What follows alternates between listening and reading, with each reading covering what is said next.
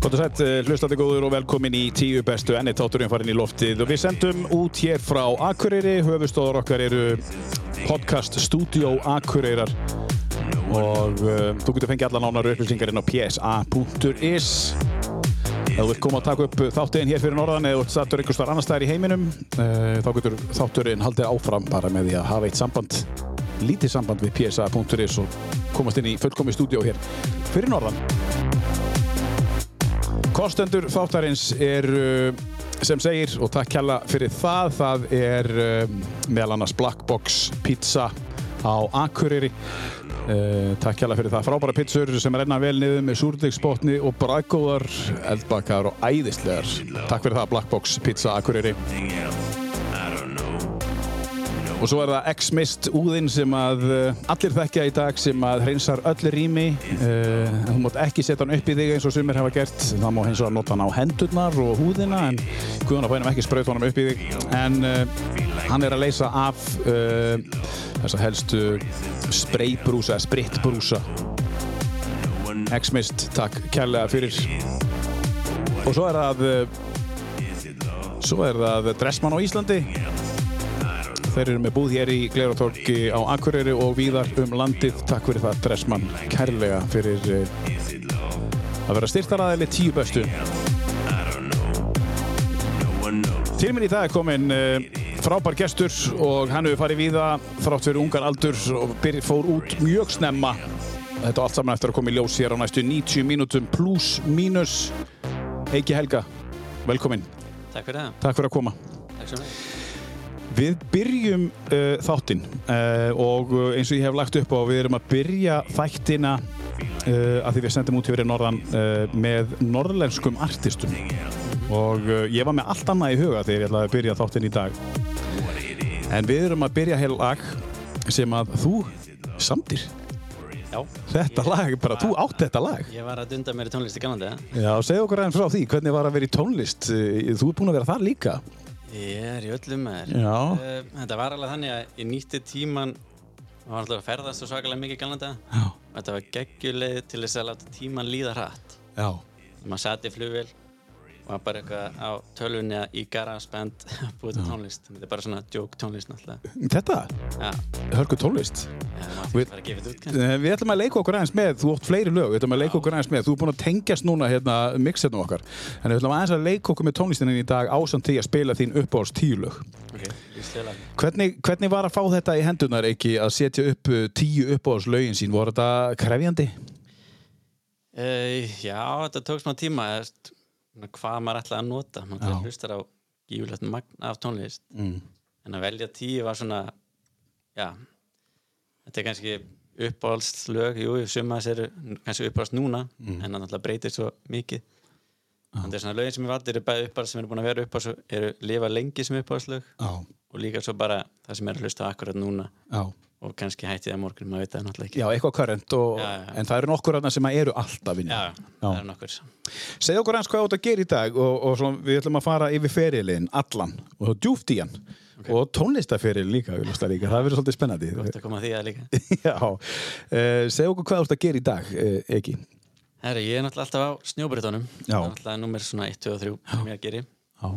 En svo náttúrulega nýjasta verkefni er að ég opna náttúrulega braggaparkið en aðgurri. Mm -hmm. Sem náttúrulega lungu tímanbært að fá innanúsaðstöðu fyrir hjólabretti og svo leiðis í bæinn. Já, hvað með góður. Þannig að það er svona nýjasta að búið að taka svona mikið af mínu tíma minga til. Já. Það er núna bara komið alveg full opnun á það Já. og ég er svona aðeins farið að anda núna frá því. Já, ertu búin að vera bara 24-7? Já, þetta er búið að vera svona og þó maður sé ekki akkurat að staðan þá er maður samt bara að hugsa um það sko. Já, Þetta já. er svona, tólti, Mm. mhm. maður er búin að vera svolítið fastur þarna sko. Þetta heitir Braggaparkið. Já, Þetta er í Bröggum, eða Bragga. Já, alltaf aðal, um, erfiðasti partur var að finna húsnaði sem hendar Já, og þetta spæði það að svona stærð er vanlega mjög dýrt já, einmitt. og hérna, ég er búin að leita alveg ábygglega verða ár eftir, leit og leit, ekki leita, ég var bara hann með augun við mm Mhm. -hmm. sinni saman ykkur auðlýsingar mm -hmm. svo sá ég semst þess að bragga að þeir voru, þú veist, starfsmenn var að fara úr þeim mm -hmm.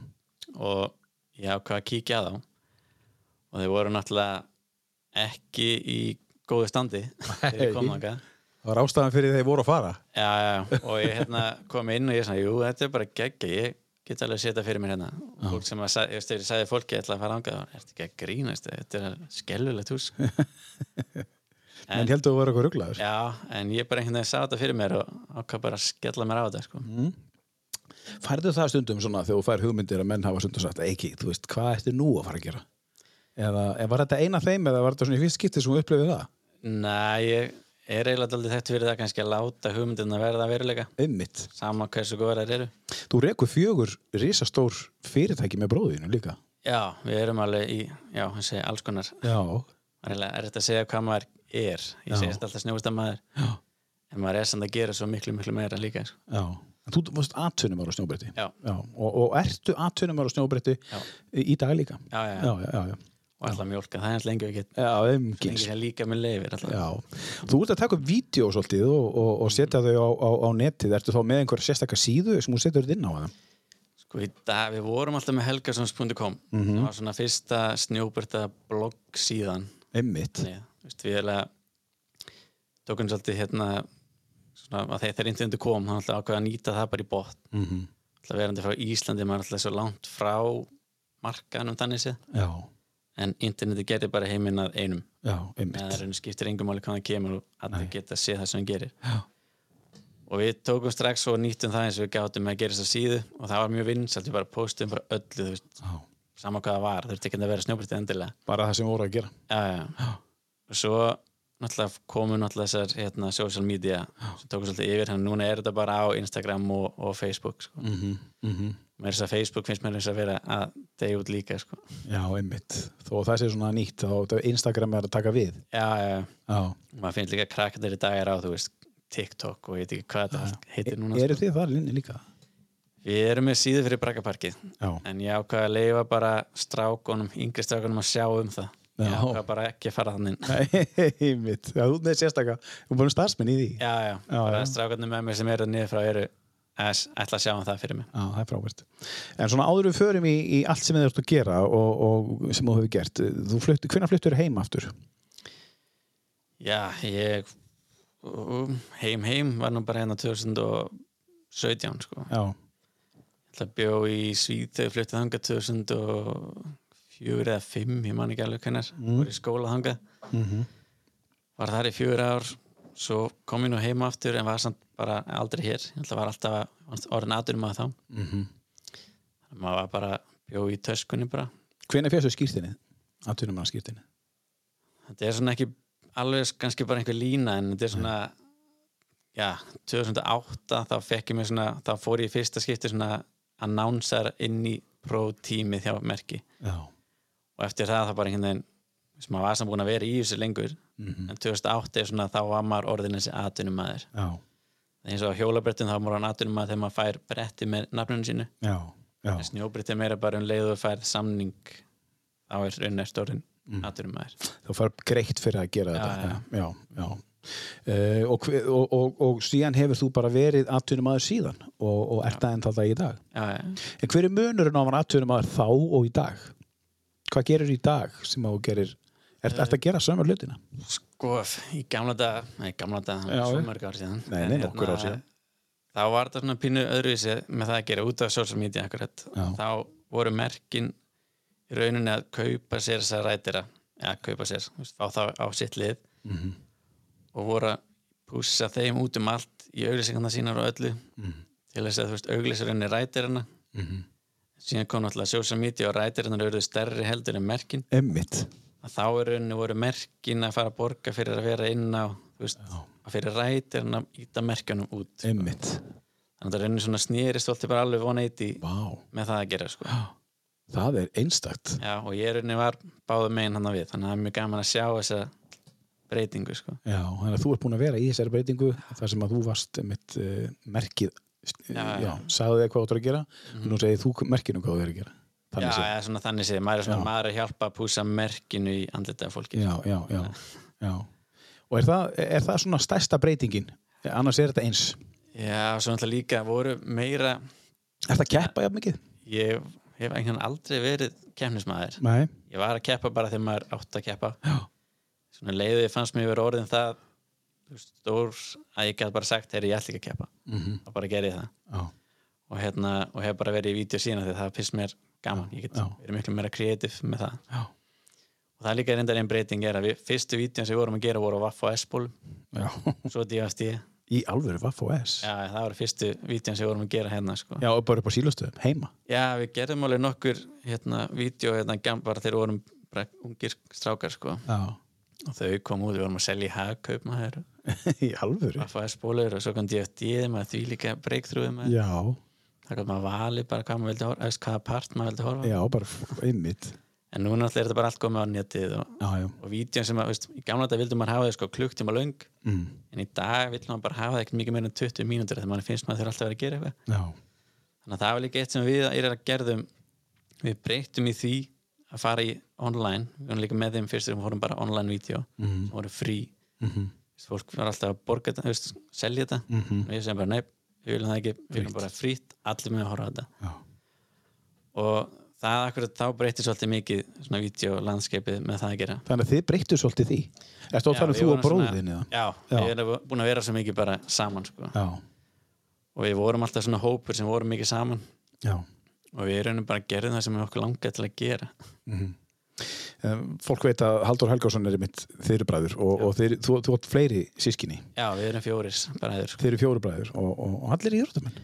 Já, elsti búin að vera í fótbolta bara, Já. þetta er hætti núna en, og, Jói, Já, Jóhann Helgason. já og svo yngsti Björgun Helgason, hann er í hestum Já. Já. og er svona mesti svona bóndin á okkur bræðrun Já. hann svona, Er þetta í kartöflunum hann?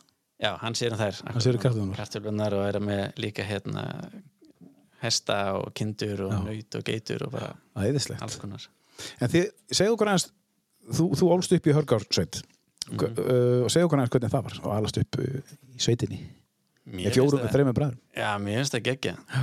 eina hérna vesinu alltaf var að hjólabretti Já, en hérna, ég alltaf byrjaði að hjólabretti fyrst það var sem ég byrjaði á já, en við gátum alltaf nýtt sem sagt hlöðunar heima á sömurinn þegar það voru tómar já. þannig að ég og bróðum við vorum að smíða alls konar palla þar inni Já, þið gerðu það. já svo þegar maður var norðin aðeins eldri þá svona byrjaði maður að byggja um far í bæinn Já, einmitt, einmitt.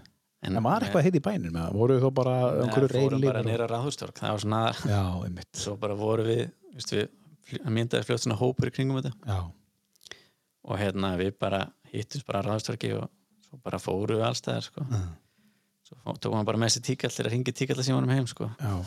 þú, þú talar um þess að þetta sé bara hundra ár síðan. Já, eða þetta eitthvað, er skilur. nefnilega það er ekki mörg að það er búið að breyta samt svo mikið á stuttum tíma Það er ótrúlega mikil breyting á sko- skömmum tíma. Já, Þetta er hvenar sem að þið eru að hamast nýra á, niður á ráðstorki?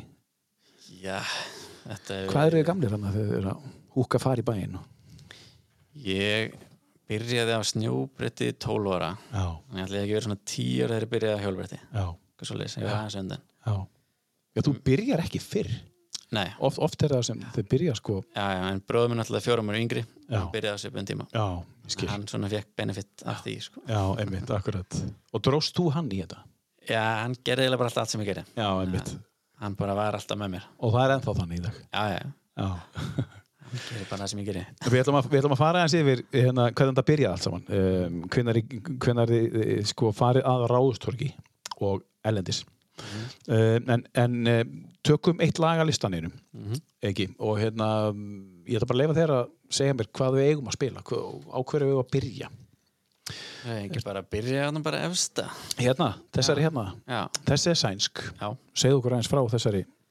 Þetta Söngkona. er sem sagt nýjasta vídeo sem kom út frá okkur Þetta Já. er Scandalnavians 2 Uh, Scandinavians 2, já. Já, þetta er sem sagt bara samansapn af skandinaviskum ræturum og við fengum ekkert að sjá myndina áður en- áður en hún kom út sem sagt gæðin sem hérna. að klifta hana Mm. hann sagði bara nefn, ég ætla ekki að sína einhver neitt þegar ég nenni ekki að fá all kommentin um að- hvað ég á að laga Já, gott Jón. þegar við erum sko mjög svona Já, er það ekki? við vitum hvað við viljum sko, þannig að það stangast á sko. Já. En hann ákvað bara nefn, þið fá ekki að sjá neitt ég ætla Já. bara að gera þetta eins og ég ætla að gera þetta og hún verða þannig Og hver er það sem að klippi fyrir ykkur? hann heitir Kuski, hann er svíi sko Já. kynnti svona akkurat þar Já. og hérna þetta var introlagið í myndinni og bara strax og ég horfði að bara, bara fyrstu bara halva mínútin það bara mm. fjalli fyrir þessu lagi Og þetta er hvenar? þetta er bara núna í haust sko. Þetta er bara núna í haust.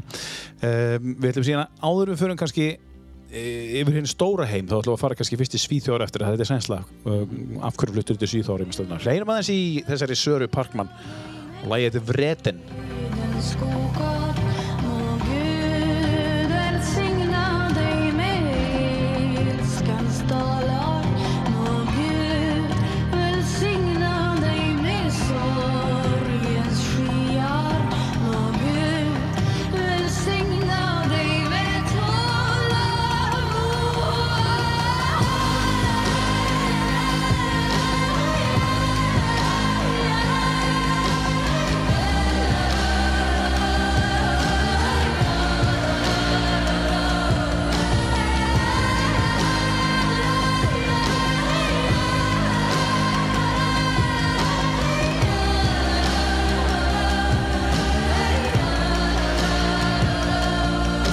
Gud välsigna dig med vemodstankar Må Gud välsigna dig med törstens fötter Må Gud välsigna dig med ursinnets händer Må Gud välsigna dig med ilskans vrår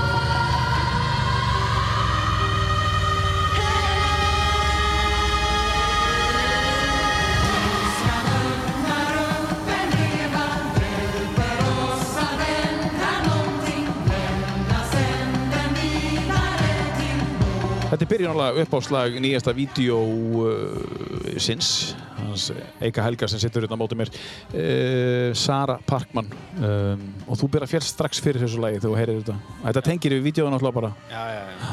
það var eitthvað svo powerful start af vídeo ég Já. var alveg heldur bara betur leiði að horfa vídeo ok, ég ætla að fara strax og finna þetta lag þegar ég er búin að horfa á þetta Já en, en sko þessi vídeo sem þú ert að gera áður en fyrir þessu í þar um, hvað gerur mörg vídeo? Svona, hvað ertu virkur?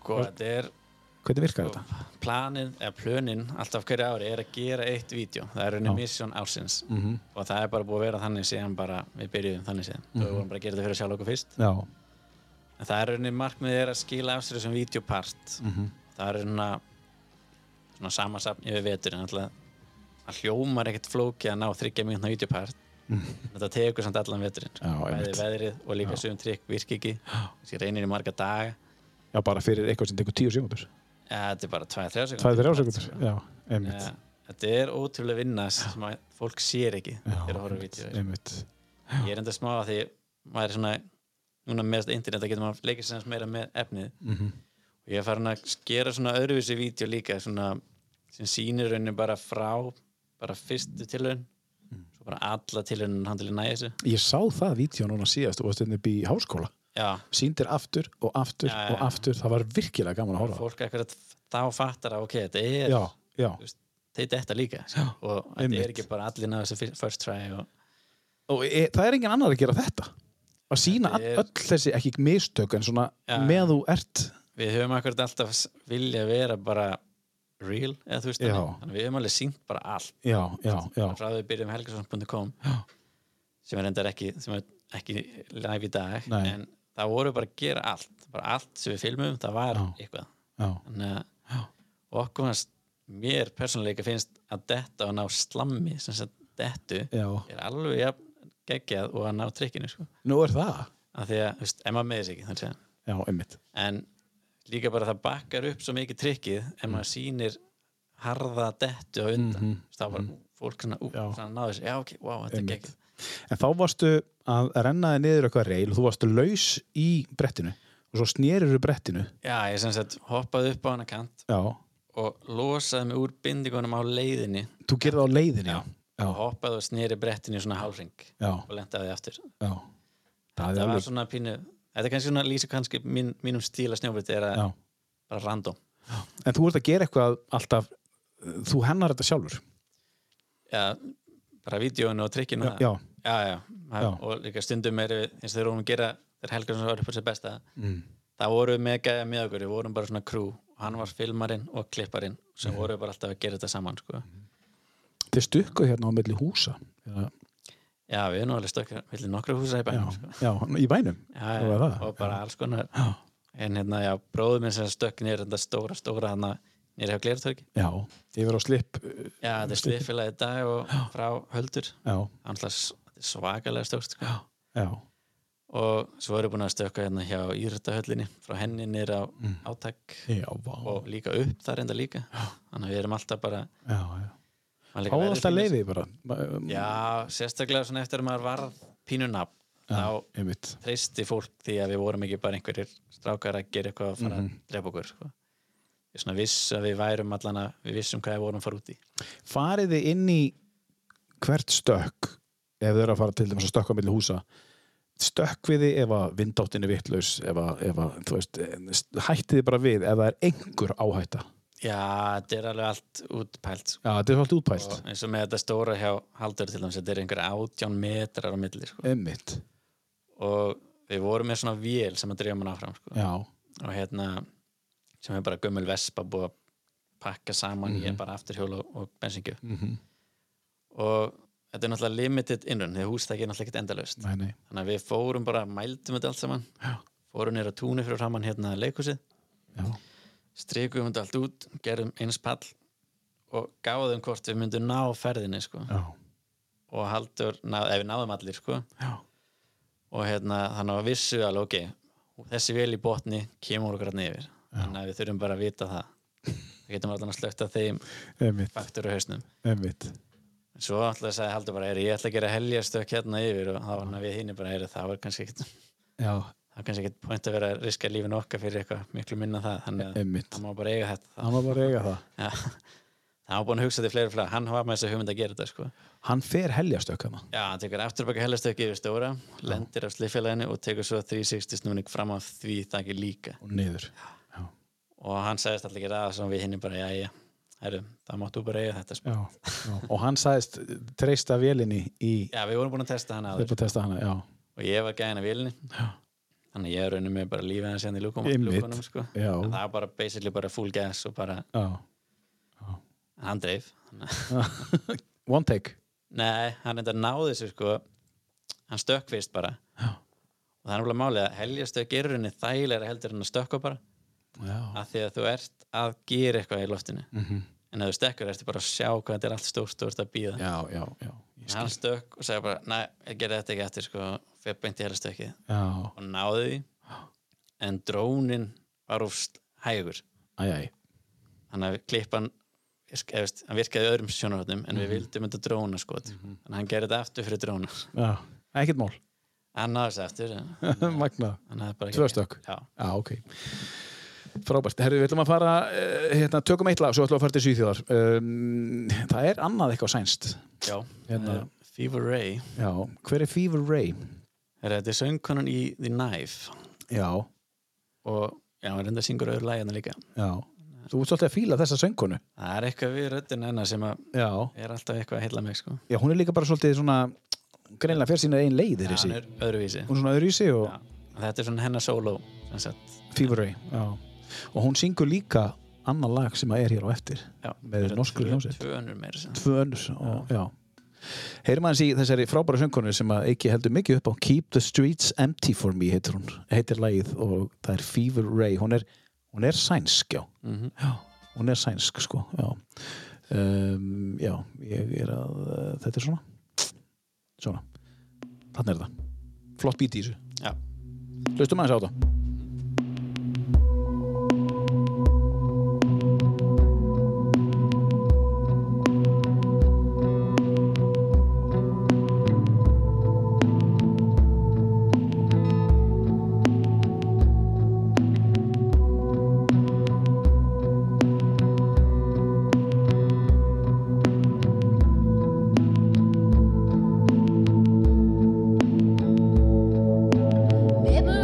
Never recover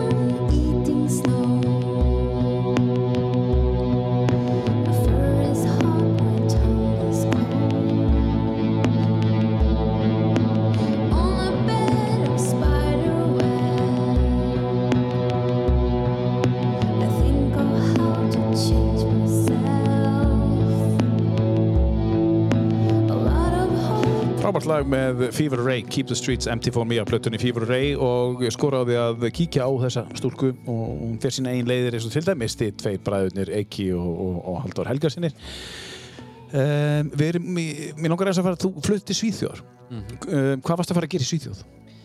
Sko, við heyrðum að það var skóli í Svíþjóð, snjóbreytskóli mm. sem er semst mentaskóli og ég semst tók eitt ár í Vaffema fyrst Já og leiði að heyra þessum skóla þá var svolítið erfitt að halda fókus í Vaffema Já ég var samt að smíða bara hérna Já en við bara fórum alveg ólinni það að reyna að koma okkur inn í hans skóla Mm. og hérna við vorum þess að þrýr strákarnar frá Akureyri sem fórum saman og hérna Hver var þessi þriði? uh, eða samt ég og Gulli og Viktor fórum Já, fyrst þið Gulla Viktor, ekki, ekki Haldur Halldór er náttúrulega yngri Já hann kom svo bara setna og var með okkur síðast árið að núti Þið fóru fyrir ekki, þið voru fyrstu Íslendingarnir, þið fjórir sem fóruð á atvinnu Já. samning erlendis, allir frá Akureyri, er uh, það ekki rétt hjá mér? Jú, Eh, ég var samt að vera fyrstur atvinnumæðurinn, Já, svo kom uh, Gulli og Haldur nokkuð hljóðlega eftir, já, svo Viktor þetta er magnað. en hérna, já, þetta var svona skólin svíjar eru svolítið að hugsa þetta lengra með sem sagt, fólk sem er með svona hæfileika angur sviði mm Mhm. þessi skóli þannig að við rauninni gefur okkur bara meiri tíma á stund á okkar áhugamál og okkar passion með að koma með tvo daga í viku Mhm.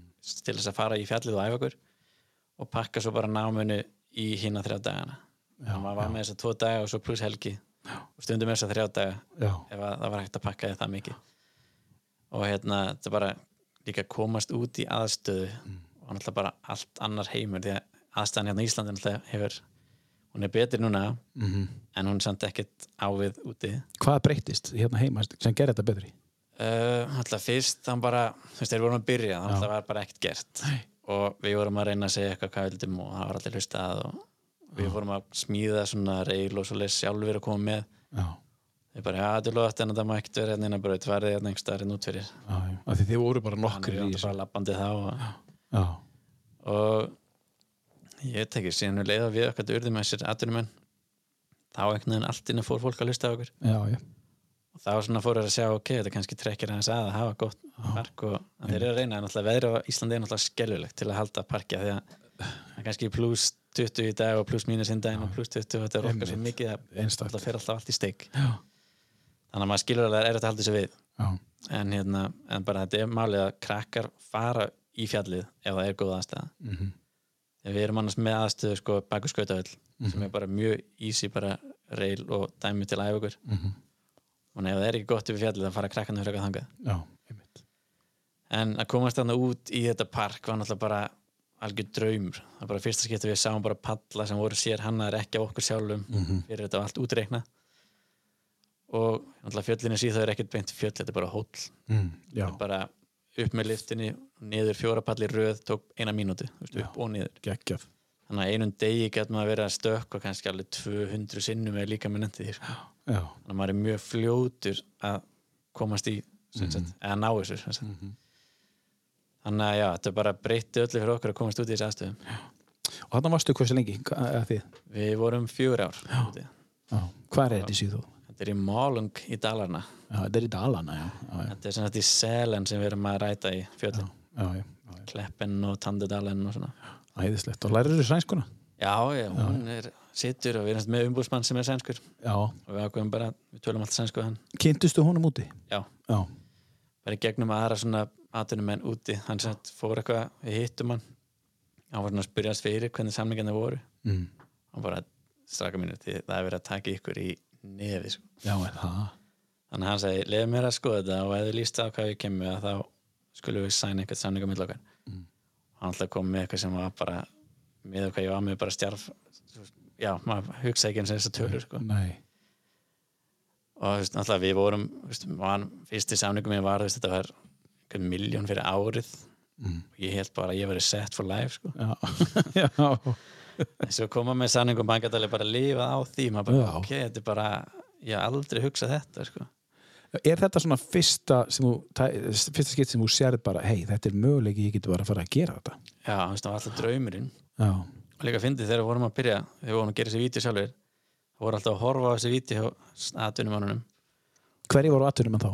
þessi stæðstu það var að fullt af fólki að svona fórum tímið þetta sem voru svona aðal Já. stjórnarnar hjá okkur já, þau sem bara, wow, hvað verið geggja að vera partur af þessu vítjum og svo Já. vorum nokkur maður setna það er maður partur af þessu vítjum þetta er magna þannig að þetta er náttúrulega að ræta með þessum félag sem maður horfði þú veist, sem eru bara orðna félag maður í dag já, þannig að svona gerðist allt mjög hratt já. þannig að En þið eru þarna í þessar, þessum skóla Mhm.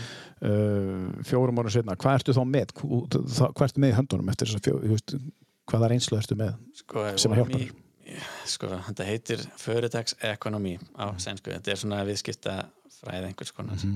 og hérna, en maður ég hef aldrei verið mikið fyrir bóklegt nám nei, Þú veist, ég bara einhvern veginn hausin er alltaf einhvers annars þar ah, já, en jújú, jú, maður lærið náttúrulega sænskuna já og ég er með student í þessu mm -hmm. það er eitthvað Mhm. já, já og hérna, En svona inn í ferilinn, þetta lítur að hjálpa þér já, já, þetta náttúrulega gerir bara allt fyrir okkur þess að geta bara allt í einu stokkið Já, og þeir eru með fjögur fyrirtæki í dag þú og, Já, já. sem eru f- bara stór og mikil og góð fyrirtæki sem tengjast sportinu, já, já, sem eru þá rekin ellendis eða, já, þau eru öll erlendis, öll snjóvartamerkin eru erlendis sko, mm því það er skelulegt að senda til og frá Ísland já, einmitt það er bara svo dýrt já, já, þetta er bara mikil enga sens Nei, en við erum nátt- núna líka reyndar að kannski koma því aftur setna með nýtt fyrirtæki sem er á Íslandi líka sem, er, eða sem ég og félagin mín er að gera sem er Byrta CBD já, og CBD er hérna, hérna cannabis, hérna olía já, CBD sem sagt já það er svona eitt nýjasta fyrirtæki sem við erum búin að starta ég og félagar hérna sko og er það hér á Íslandi á, já það er á Íslandi, það er Mm. bara Íslands merki sko. Íslandsmarki, já en kannski förum betur inn á það Já, senna það fyrir mér betur en það sérna. Tökum lag núna og, og hérna, höldum svo áfram. Við erum búin að taka tvö frá Svíþjóð, Fífur Rey og Söru Parkmann. Eh, Það er spurning hvort það næsta sér líka það sænst. Kynntistu eh, einhverju þessu í gegnum þá einhverja sænska playlista eða með að þú varst í Svíþjóð þessum tveimur hérna? Eða Ég veit að þetta var í gegnum Knife- vídjóið. já, Knife, sem sagt og þessi Fever Ray kynnti sig í Svíþjóð Já, já, einmitt. og svo bara þetta var svona bínu stílinn sem var í gangi þegar við vorum hérna í Svíþjóð Mm -hmm. þannig já, kynnti sig þar Já. En hvað er að hendi næst, ekki? Ekki bara taka þetta næsta hérna fyrir neðan bara The OCs. já, Já, hvað er þetta? Þetta er, þetta er bara lag sem ég byrja að hlusta á um daginn og bara, já, þetta er eitt af þessu current. já, Já, já. mjög fínt Já. Hvenar hendur í þetta? Hvenar? Bara ég er svona, að slaka á sko já, bara, inn á mínum svona slökunarlista já, þetta er svona slökun. já Já. Þetta er svona þitt. og með góða headphone en Já. bara ekki að gera neitt og bara Já. hugsa, reynstofn Já. Og hugmyndir. já, Við heyrim þetta. Uh, The Axis heitir lagið, The Weird Exits heitir platan.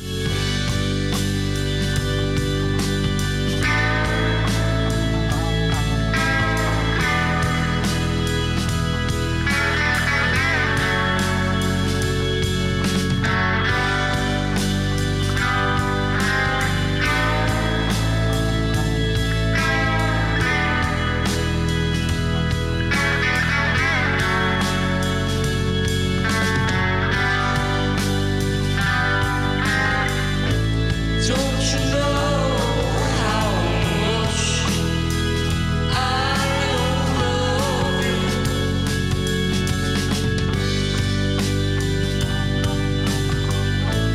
Don't you know how much I don't care? And can't you see how much I don't need you? Just like you were never really there. Þetta lustar Eiki Helga á þegar hann er að slaka á. Það er þessi tónlist og það er mjög fyrir, það er svo gaman þegar maður fær sko, ekki, þú veist, ég, þetta er tíu bestu. Uh, það er svo gaman að kynnast einstaklingum í gegnum tónlistina. Hvað, hvað ert þú að hlusta á? Og, og ég vona að þið eh, hlustendur séu að upplifa það sama. Við erum að fara yfir ferilin og allt það og það kemur allt saman. En svo er líka gaman að heyra hvað, hvað hann er að hlusta á. Þetta hlusta þú á bara þegar þú ert að kick back bara. já þetta, við erum búin að hlusta mikið á þetta undarfæri Já. þetta er bara eitthvað þægilegt lag Já, svona eftir aftur braggapark uh, hérna á, átökin já, bara koma því upp slaka á og fara að hugsa um eitthvað nýja hugmyndir Já, nú er það komið og það er eitthvað annað Já. Þú varst komið nýtt, eh, þú talar um að það er komið nýtt fyrirtæki, CBD, segja okkur aðeins meira frá því já, við sem sagt í sumar ef við erum búin að vera lengi að pæla í þessu en en Mhm. CBD, að þetta er náttúrulega úr cannabisblöndinni Mhm. og þetta er búið að vera mjög svo á erfiðum stað á Íslandi lagalega séð Já. samt er sko CBD ekki vímugjafin Nei. en THC er vímugjafin Já, í, í plöntunni. Já. Já. en okkar er tekið úr innarhamp sem náttúrulega er nánast engi, ekkert THC í þetta er bara til þess að þú veist, þetta er svona bólgueðandi og, og verkjastillandi krem sko en það er má sem þetta núna gera krem sem maður ber á sig en okkur langar alltaf að starta næst ólínu til þess að taka þú veist, sem að við inntöku Já. en það er ennþá alveg no-no samkvæmt íslensku lögum þannig að við ákveðum bara, ok, byrjum bara krem og allan að byrjum við brandi sem við erum búin að pæla í svo lengi Já. Það við nefntum ekki að bíða lengur Nei. þannig að við stjórnstöðum brandinu Byrta CBD mhm. Er komin heimasíma? Heimasíða? já, heimasíðan er byrtacbd.is Já. og það getur sé verið með tvær vörur eins og er og það eru nýjar á leiðinni sem við erum að aðeins að brasi núna og hérna já, það eru sem að við erum með eitt svona andlitskrem, svona rakkakrem Já. og svo er svona vöðvakrem sem er svona hýta kæli krem sem heitir Ílar og Frost og þessar Ylur Mhm. og vörur- Frost, já. já, þessar vörur hafa verið alveg að slá í gegn við heldum einhvern veginn að við ætlum bara að vera svona hipp og cool og ná Mhm. unga fólkinu og... en síðan er þetta bara mjög mikið eldra fólk sem er með svona leiðilega svona verki sem er að kaupa þetta og við bara ok, við kannski bara erum þetta miklu meiri markkópa kannski en við ætlum okkur Já. og þetta hefur bara verið að ganga bara vel Já. Hvenar, hvenar byrjaði þetta? Eh, við byrjum bara núna í júli sko. Já, já. Þetta er bara, já, verður bara eins ást núna í júli. Já, þetta er bara Ísland merki og við ætlum heldur bara að vera Íslandst og allan að Og hverjir eru með, með, ykkur, í- með þér í þessu? ég og MC Gauti Já. og hérna Ingo sem er svona líftæknifræðingur sko, en hann veit alveg hvað, hvað hann er að gera Já, já. og kona mín Silja Já. og Freyr sem er hjá Opusí hérna svona marketing auðvisingastofu Já. og við erum svona komum okkur saman og bara ok, við skulum gera þetta og bara starta þessu gerum þessu krem og byrjuðum og við sáum bara hvað fólk tók vel í þetta Já. Þannig að, og ég sjálfur nota þetta mikið Þú veist, við bara náttúrulega, það sem ég gerir náttúrulega er tvílíkt álag á líkamann Já, er það ekki? og eins og þetta Á liðamót. krem, sko, ég er búinn að fara í gegnum tvílíkt marga túpur þessu sjálfur bara, Já, einmitt. þetta er svona hýtt, þetta er svona vöðvarslagandi Já. og já, ef fólk veit ekki hvað CBD er og mælið mig að kynna sér það því þetta hefur alveg ótrúlega áhrif á margt Já. það var allt frá bólum og upp í bara verki sko. Já, já. Og ég meina, eh, segðu mér æfingaferlið ykkar, ég meina, eins og ég segi, þegar þið lendið höggin öll á liðamót og, og öll liðamót og allt þetta, hvernig æfið þið, eh, þú veist, fyrir utan þegar þið eru á brettunum, hvernig, hvern, hvers konar æfingar stundið þið? Er þið í liftingum eða er þið í þólæfingum eða? við erum rauninni bara æfum ekkert Nei, við erum bara alltaf að já, þeir eru alltaf aðjó. Já, við einhvern veginn segjum að þetta það eru bara æfa rétt að vöða Já. en málið er það að þetta er ekki bara áreynslan heldur, þetta er líka við erum að stökkva kannski niður af þú veist, svo háum fallhæðum -hmm. svo bara niður tröppur, sérstaklega hjólabettan það lendur á malbyggi eða steipu -hmm. Mhm. og þegar maður er kannski að reyna trikk eins og bara um daginn væri að reyna eitt trikk niður átta tröppur, þetta er svona snjó hjólabretti þetta er svona eitt nýtt sport sem ég er endar í núna var að vera aðdunum og er endar líka vetur Í alvörunni? Já, og hérna Segðu okkur á því. Já, þetta er sem sagt bara svona hjólabrætta plata sem er hönnu fyrir snjó Já, já, Þannig engin dekk, það gerir allt sem hann gerir á hjólabrætti nefnum bara á snjó og ok.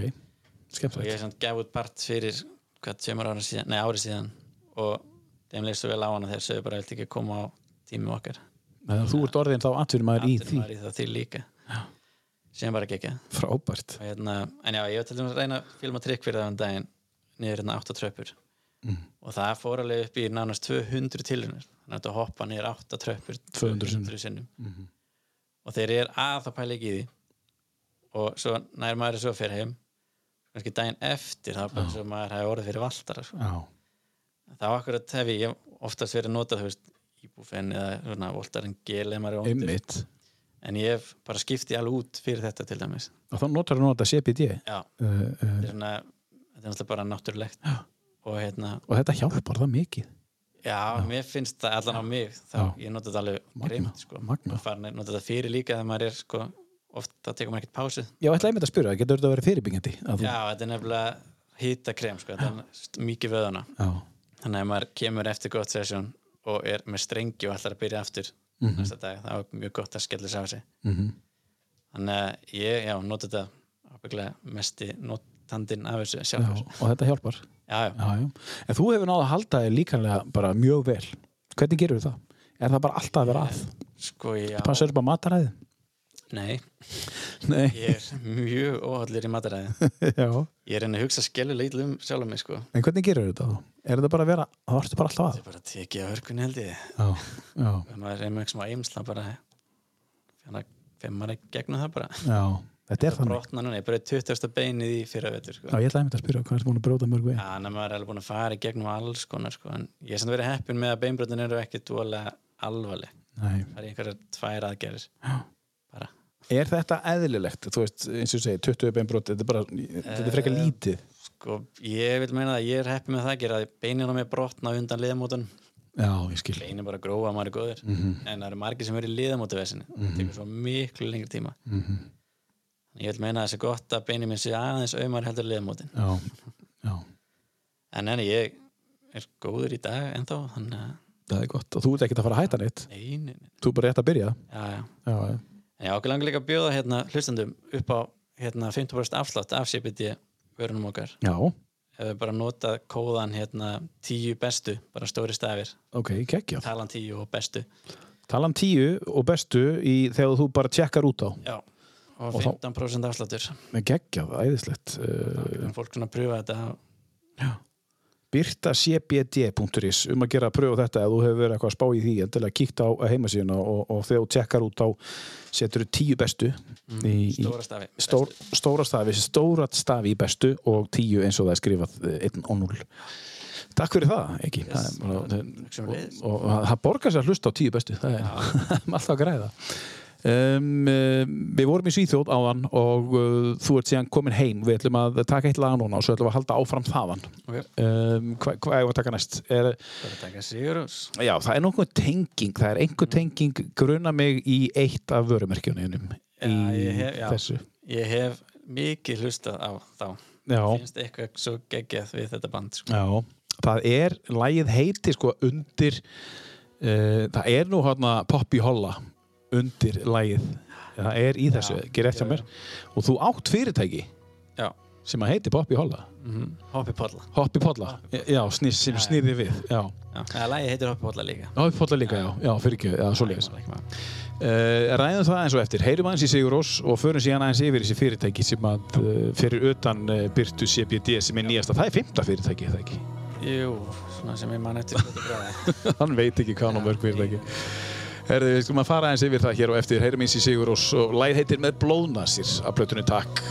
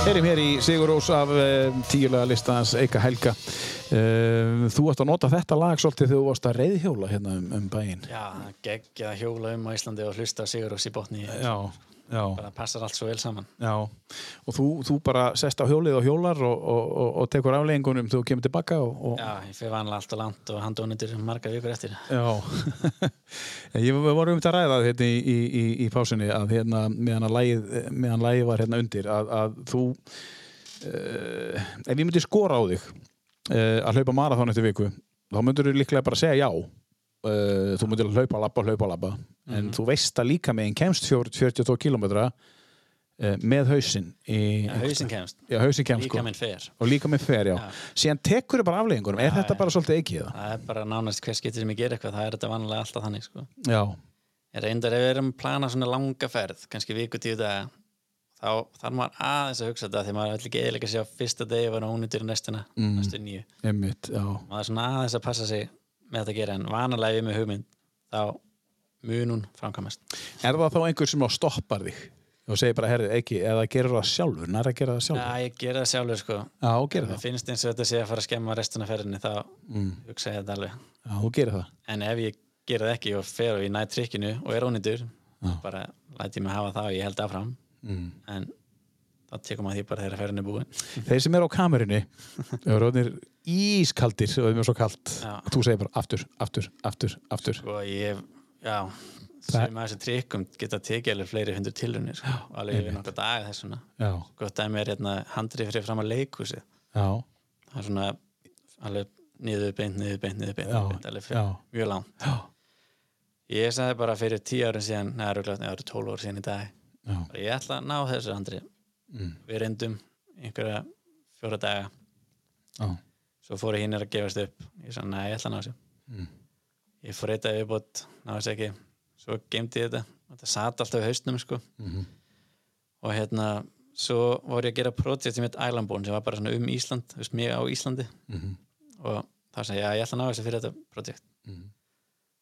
og ég reyndi og reyndi og reyndi og reyndi í fjóra dagi bútt og hérna, svo allt í henni kom þetta bara bara allt í henni, ég var ekki búin að vera neitt nálegt svo allt í henni bara kemur það og þetta er svo skrítin tilfinning þegar nærið einhverju sem er búin að hugsa þetta í, þetta voru tíu ár síðan ég byrjaði að reyna þetta fyrst Já, einmitt og tíu dag, þetta voru tíundu degi og ábygglega vel yfir þúsund tilraunir samanlegt sko. Já, og að ná þessu, ég sett fann að ég var að ná þessu þá sónaði ég bara út í hausinn á mér svo bara þegar ég var að renna í burtu þá svona eins og ég kom bara inn aftur og fann að, wow, what, ég sagði líka bara what þegar ég lendi, sko já, já, er það og þetta já, bara ég bara, ég sónaði bara út að því ég sá ég þetta var komið, Já, þá einhvern veginn ég meina og bara undir með þetta við og ég bara fór eitthvað annað í hausnum en ég og meina- þetta var mjög spes tilfinning, sko Já, menna, þetta er þetta er þú að gera aftur, aftur, aftur og, og svo heldur þau bara áfram og, og, og þetta lítur að vera í eðliðinu einhvers konar determination bara þú ætlar, hefur verið svona frá stundið já, ég held, já, ef ég veit að ég get eitthvað eða ætla mér eitthvað þá ger ég eða finn leið til þess að get eitthvað eða þú veist, sérstaklega fólk segir að þetta er ekki hægt Já, þá, jú, ég skal sína að þetta er hægt já, þannig að ef þú myndir segja eitthvað trikk og segja spæli ég að þetta var hægt já, þá kemur þú þá hugsa ég, ok, ég skal ná þessu og það er kannski ástæðan fyrir því að þú ert með að þú haldir fimm fyrirtæki starfandi, kannski eru þau fleiri og svona að reyna að tellja þetta í höfðun eitthvað já, áðan. þetta er svona, já, þetta er komið svona eitthvað í blandi svona braggaparki og þetta er svona undir öðru og maður, Já, og svo er bragaparki líka já, En segðu mér hérna, þessi fyrirtæki sem búist að reka ellendis mm. stærsta fyrirtæki að ég held sé lobster skíðabrettin lobster er svona stærsta Já. og það er orðið svolítið stórt það er, já, þetta er orðið bara alveg brand í dag, sko Já, og hérna sem betur fyrir sko, við vorum að seljum allan heim já, og svo ákveðu bara þegar við vorum búin að stana svolítið í sérst, útbreyslinni Mhm.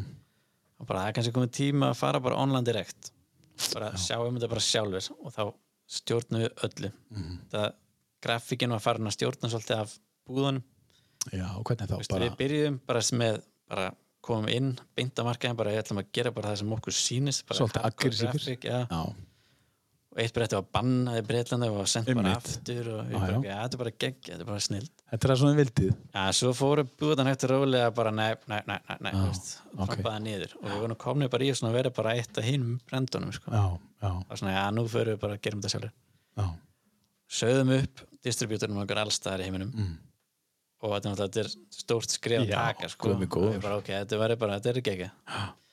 Svo kom COVID já, og allir distribútorar í ruglinu. já Þannig bara, ok, þetta bara gat ekki verið betri tímasendinga ákveða að fara online direkt. um, einmitt, Þannig að við slupum við þetta COVID-vesen, sko. já þið gerðu það og núna eru þið, hver er að hanna, eru þið að gera þetta sjálfur, eru þið að tekna sjálfur Við erum sko... grafíkina það?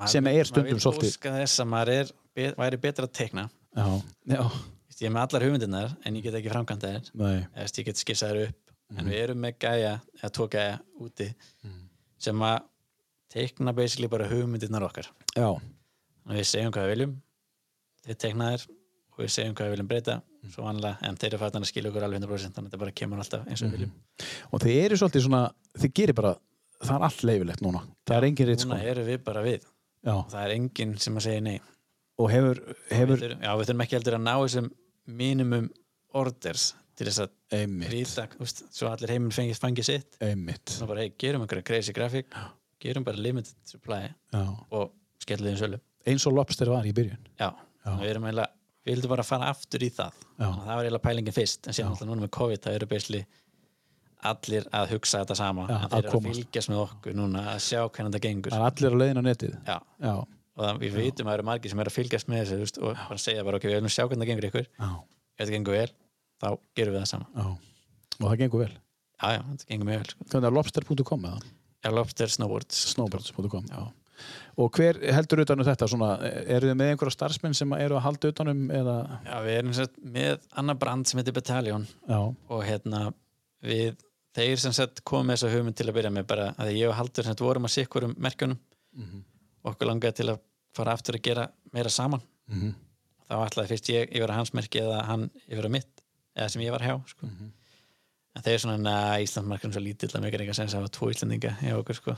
að no eight coverar allan markaðin hér já, og þá kom þetta brett brand bara heru, við getum ekki búið ykkur samning en við getum kannski hjálpa ykkur að starta bara brand með okkur sko, að við erum búin Ok. að pæla að gera eitthvað svona sem er ekki alveg ja, basic brand, eitthvað meira svona core, eins og þið bara já, já.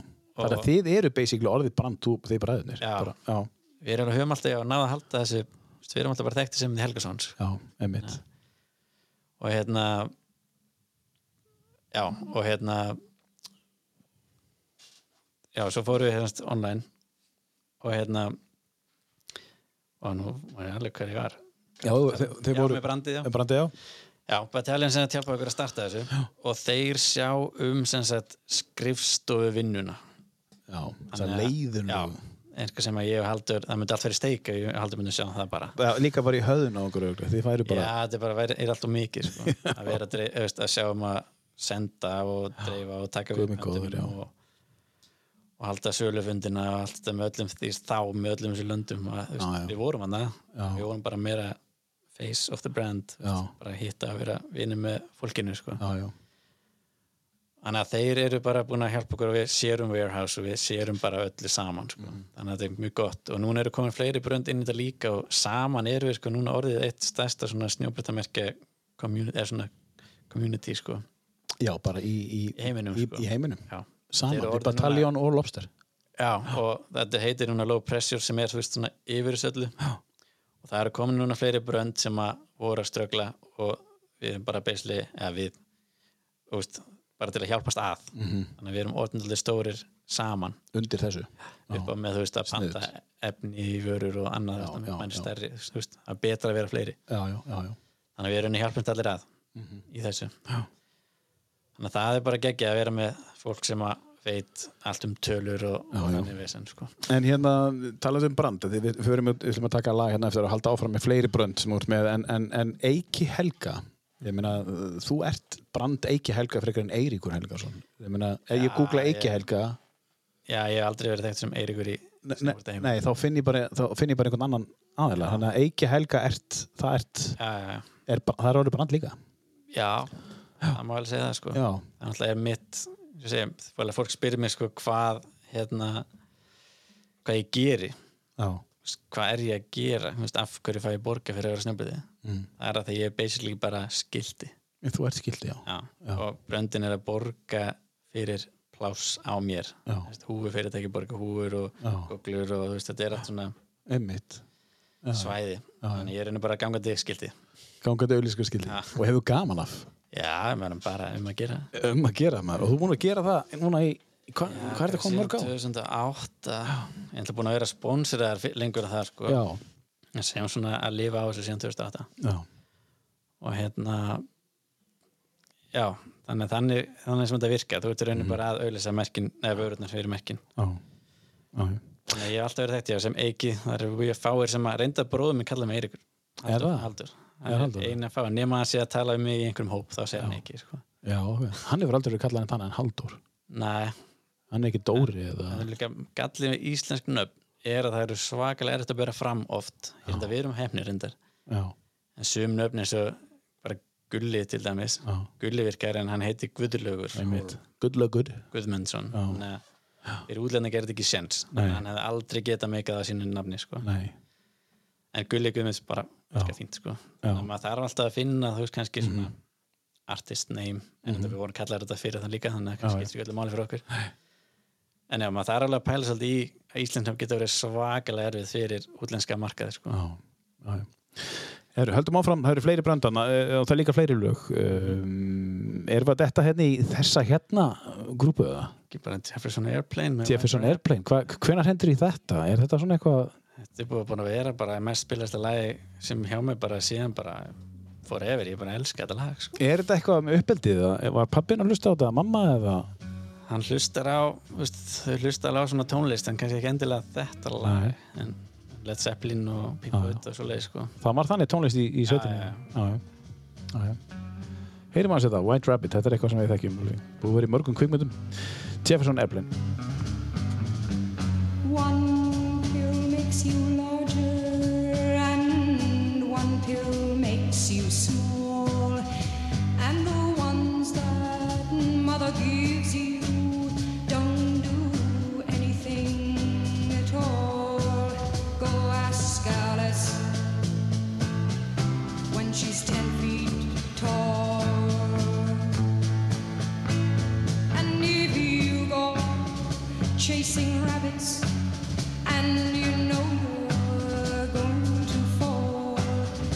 Tell 'em a hookah, smoking caterpillar, has given you the call. Call Alice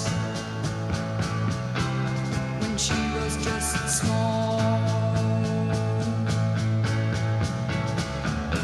One man on the chessboard, get up and tell you where to go, and you just had some kind of mushroom, and your mind is moving low.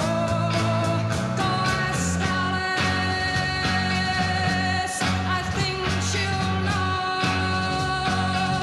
know when Já, já, herru, við erum alltaf að reyna að komast inn í, inn í, inn í fyrirlandseika aftur og ætlum að fara aftur til ásins 2000 og eh, hvað var það? Þegar þú kemur frá Svíþjóð, eh, þú kemur hinga þá 2008 Já. hingað eftir Já, kemur hinga aftur og hvað gerist síðan þá? Ferðu þá bara heim og flyttur heim eða eh, og ert í skóla hér eða? Nei, þá er alltaf orðin aðdunumæður Já. og þá er ég samt ekkert hérna ég bara er ferð, maður er ferð þannig að það voru svakalega mikil ferðalög í, Já. í þá sko, eða þá daga sko Segð okkur eins hvernig þetta var allt saman og upplifa þetta fyrir, fyrir Þetta þá var ungan sko- strák. eða þannig að geggja að sjá bara maður var alltaf að ferðast, sko, lengsta tímabili aðeins að koma heim var einhverju sex mánuðir sko. Já, einmitt. og hérna en ég sagði samt eftir það að ég ætla ekki að fara svona lengi eftir því að maður fór mig bara leið og brókið Já. það er svo leið til maður byrjar að fá svona þreyttar af einhverju Já, þá er þetta ykkur skemmtileg lengur Nei. En ég fór bara að hugsa, ok, ég ætla bara alltaf að fara bara stýttir ferðir og taka alltaf pása á milli já, það er þetta alltaf fest og maður er alltaf til -hmm. Mhm. og ég ætla líka að svo ákvörðin að gera þetta mjög svona þægilegt upp á að hérna, okkur þetta fá ekki leið ég fann þessar sex mánuð, þetta var svona ferðast og yfir suma mánuð líka, þá bara rann viturinn í eitt sko. En þú gæst alltaf stjórnað þessu sjálfur, hversu lengi þú varst. já, ég hef nefnilega nánast alltaf geta það sko. Það er rosa það er þægilegt. strax að ég er bara að segja hvað ég ætlaði að gera sko. Það er lítur að, lítur að vera einhver forutindi já, þessu. og hérna, en jú, það er visslega ferði sem maður þarf að gera sko. Já, já. svo er þetta minni dag er svona sölu fundir og annan Mhm, en hérna já, við höfum bara einhvern veginn alltaf og merkin hafa treyst okkur fyrir að skila af því sem að þeir vilja að fá og Já, já, ég segjum bara ef við gerum það sem við gerum þá erum við að fara að skila ykkur bestu mögulegu videoklipunum og öllu því Mhm. en ef það er að fara að tróða ykkur í eitthvað sem við viljum ekki gera þá verður það bara, það mun skýning gegn strax já, já. Þú verður að fá að vera bara sjálfur já, ef þetta á að ganga. og líka sko mér finnst ég læra trikk og annað mest þegar ég er ekki á snumriði Já, ég en sumarfríð er bara krúsjál fyrir mig til að læra nýtt trikk Já, og það því að maður fyrir að hugsa svo mikið og maður langar svo mikið að fara að bretti Mhm. maður fyrir að huga, ég veist að hugsin fyrir bara fullt að hugsa trikk já, maður fyrir að gera það í haustum aftur, aftur, aftur svo loksins kemst maður á snjó sér svona sirka hvað maður ætlaði að gera bara eitthvað ég trikki núna, þetta virkar hérna já, þá reynir maður að þá nær maður að þegar maður er búin að gera það mjög sinum haustum já, en ef þú ert alltaf að það færði aldrei hennan tíma til þess að brainstorma nýtt sko. næ. En þú ert uh, beisaður þá alltaf heima, þó þú farir í þessi ferðir, þá ertu beisaður heima eða þú veist, hérna heima. En, en hvenar flytur bara alveg út búferðlum? já sko, ég kom heim og svo kom þetta hrun Já, og það var ekki gott að vera með gjaldirisöft og þeir alltaf borgaði í dólarum og eurum nei, ég skil. þannig að ég einhverja, ég man ekki hvað það voru margir mánu, kannski næstu nýju mánuði sem við gætum ekki fengið laun sko, inn, til, inn til landsins Já. og það sagði eitthvað umbúrsmanni bara, já, þetta er einhver ég ætla ekki að hafa þennan pening inn á mínum reikning fram mér áramót, sko, það er mikil ekki sens Nei, þið, þið þurfum bara að flytja já. og Það var bara ekkert hægt að leggja peningin. Nei, hann bara, hann búin að margreina og svo hringdi einhver, ég veit ekki hver það var hvort það er bara verið að selja bankin eða eitthvað, ég veit það ekki bara, heyrðu, þið getur bara alveg hægt að senda þess að peninga þessi stakar ekkert að fara að fá þetta enn inn í landið Já, einmitt. þá hringdi hann bara, heyrðu, ég fekk síndala bara að banna okkur að senda hann pening og þið þurfum eiginlega bara að flytja Þannig að ykkur að þið voru bara nöðbeðir að flytja út. Já, það- það má Þá. alveg segja það eins, það var ekkert planið Og hvert svo- flytið þið þá? sagði sko umhersmaður bara, já, ég er með eitt skíðagæði sem að býr í Mónaco mm. það er, þið þurfi ekkert að hugsa um svona mál lengur ef þið farið þangað og bara þú veist, það þurfi ekki að hafa nýtt peningavitt, þannig sé bara já, þetta er bara að hugsa um sér sjálf þar ég bara, já, ok, geggja Virkar það bara þannig í Mónaco? já, þetta er bara, þú veist, bara þinn peningur, náttúrulega þinn peningur Já, já, einmitt. og hérna, þannig að við bara fóruð þangað það var pínu brasa að komast inn samt Já, en akkurat á þessum tímapunkti var Monaco að leitast eftir ungu íþróttafólki til þess að lækka meðalaldurinn í landinu hjá sér. í alvörunni. og þú veist, þetta er eitthvað minimum tala sem þetta hafa á bankareining Já, til þess að fá að flytin já, við akkurat sendum eitthvað ja, umhúsmann eitthvað stjórnastíðis og leita hvernig átt að komast inn og þau sögur þess að töluðu bara, já það var það það fór það. já, og svo hérna, segja bara en við styrir svona ungir jútamenn og þá bara fáið þetta bara á slik sko. þannig er bara ok bara tala hans umti bara úr sko, þetta var einhverju, áttu að vera miljón evrur eða eitthvað Já, snýri bara einhverju tvær miljónir eða eitthvað Þú veist, Já, það var- já. íslenskar sko bara til þess að koma ykkur inn. já, við bara ok, erum við bara stökkum að þetta bara leggjum við tvær miljónir inn til þess að fá að vera búa hana Já, já. og svo voru við þarna í sko einhver átta ár sko Hvernig var að búa í Mónaco, ekki? við pössuðum ekkert hann inn sko Þið pössuðu ekkert að þinn. Hvernig, það gekkja reyndir, það er smá stóða lút þannig að við erum að tala um hettupeysur og, og sponsaðar húur og... Já, ég skildi mig ekkert akkur við fengum ekki að fara inn á neina klúpa eða neitt, maður er alltaf hent út alls staðar eða banna rækangur. Þannig að þú ert ekki jakkafatta maðurinn. Nei, langt frá því sko. Já, En þú föttu reynda þarna, þú veist, það er einn klúpur þarna sem var svona vinstræsta með svona unga fólksins. Við fengum aldrei að fara inn. Og það var alltaf dresskóttu, bara, að þú veist, þetta er bara við eitthvað, svona, vesen. Eða vesen, bara, og hvað varst að skrýta þegar að koma einhverjum fínum fötum. já, Svo bara, heyrðu, straka, fá ykkur bara skýrtu. Það er henni nóg. Þú veist, það er bara, þetta er heitt, en það er, þú veist, skýrta, þetta er bara næs. Þannig að við keftum okkur skýrtu og það allir komast bara inn á staðar. Þannig að það þurfti ekki meira það.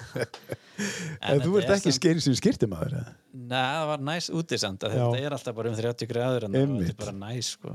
Kynntustu einhverjum að úti sem að, svona einhverjum öðrum íþróttaða fólki í... Já, við þú veist, hittum alltaf allir fljótlega svona skeithópana sko. Mhm. og það var svona fólki sem við vorum mest að hanga með þá þann úti en síðan alltaf á þessum tíma vorum alltaf alltaf á ferðinni sko. Já, Þannig að við vorum ekkit Nei, við nei. eittum sumrunum hann og já, þetta var bara Bjögguðu vel að það?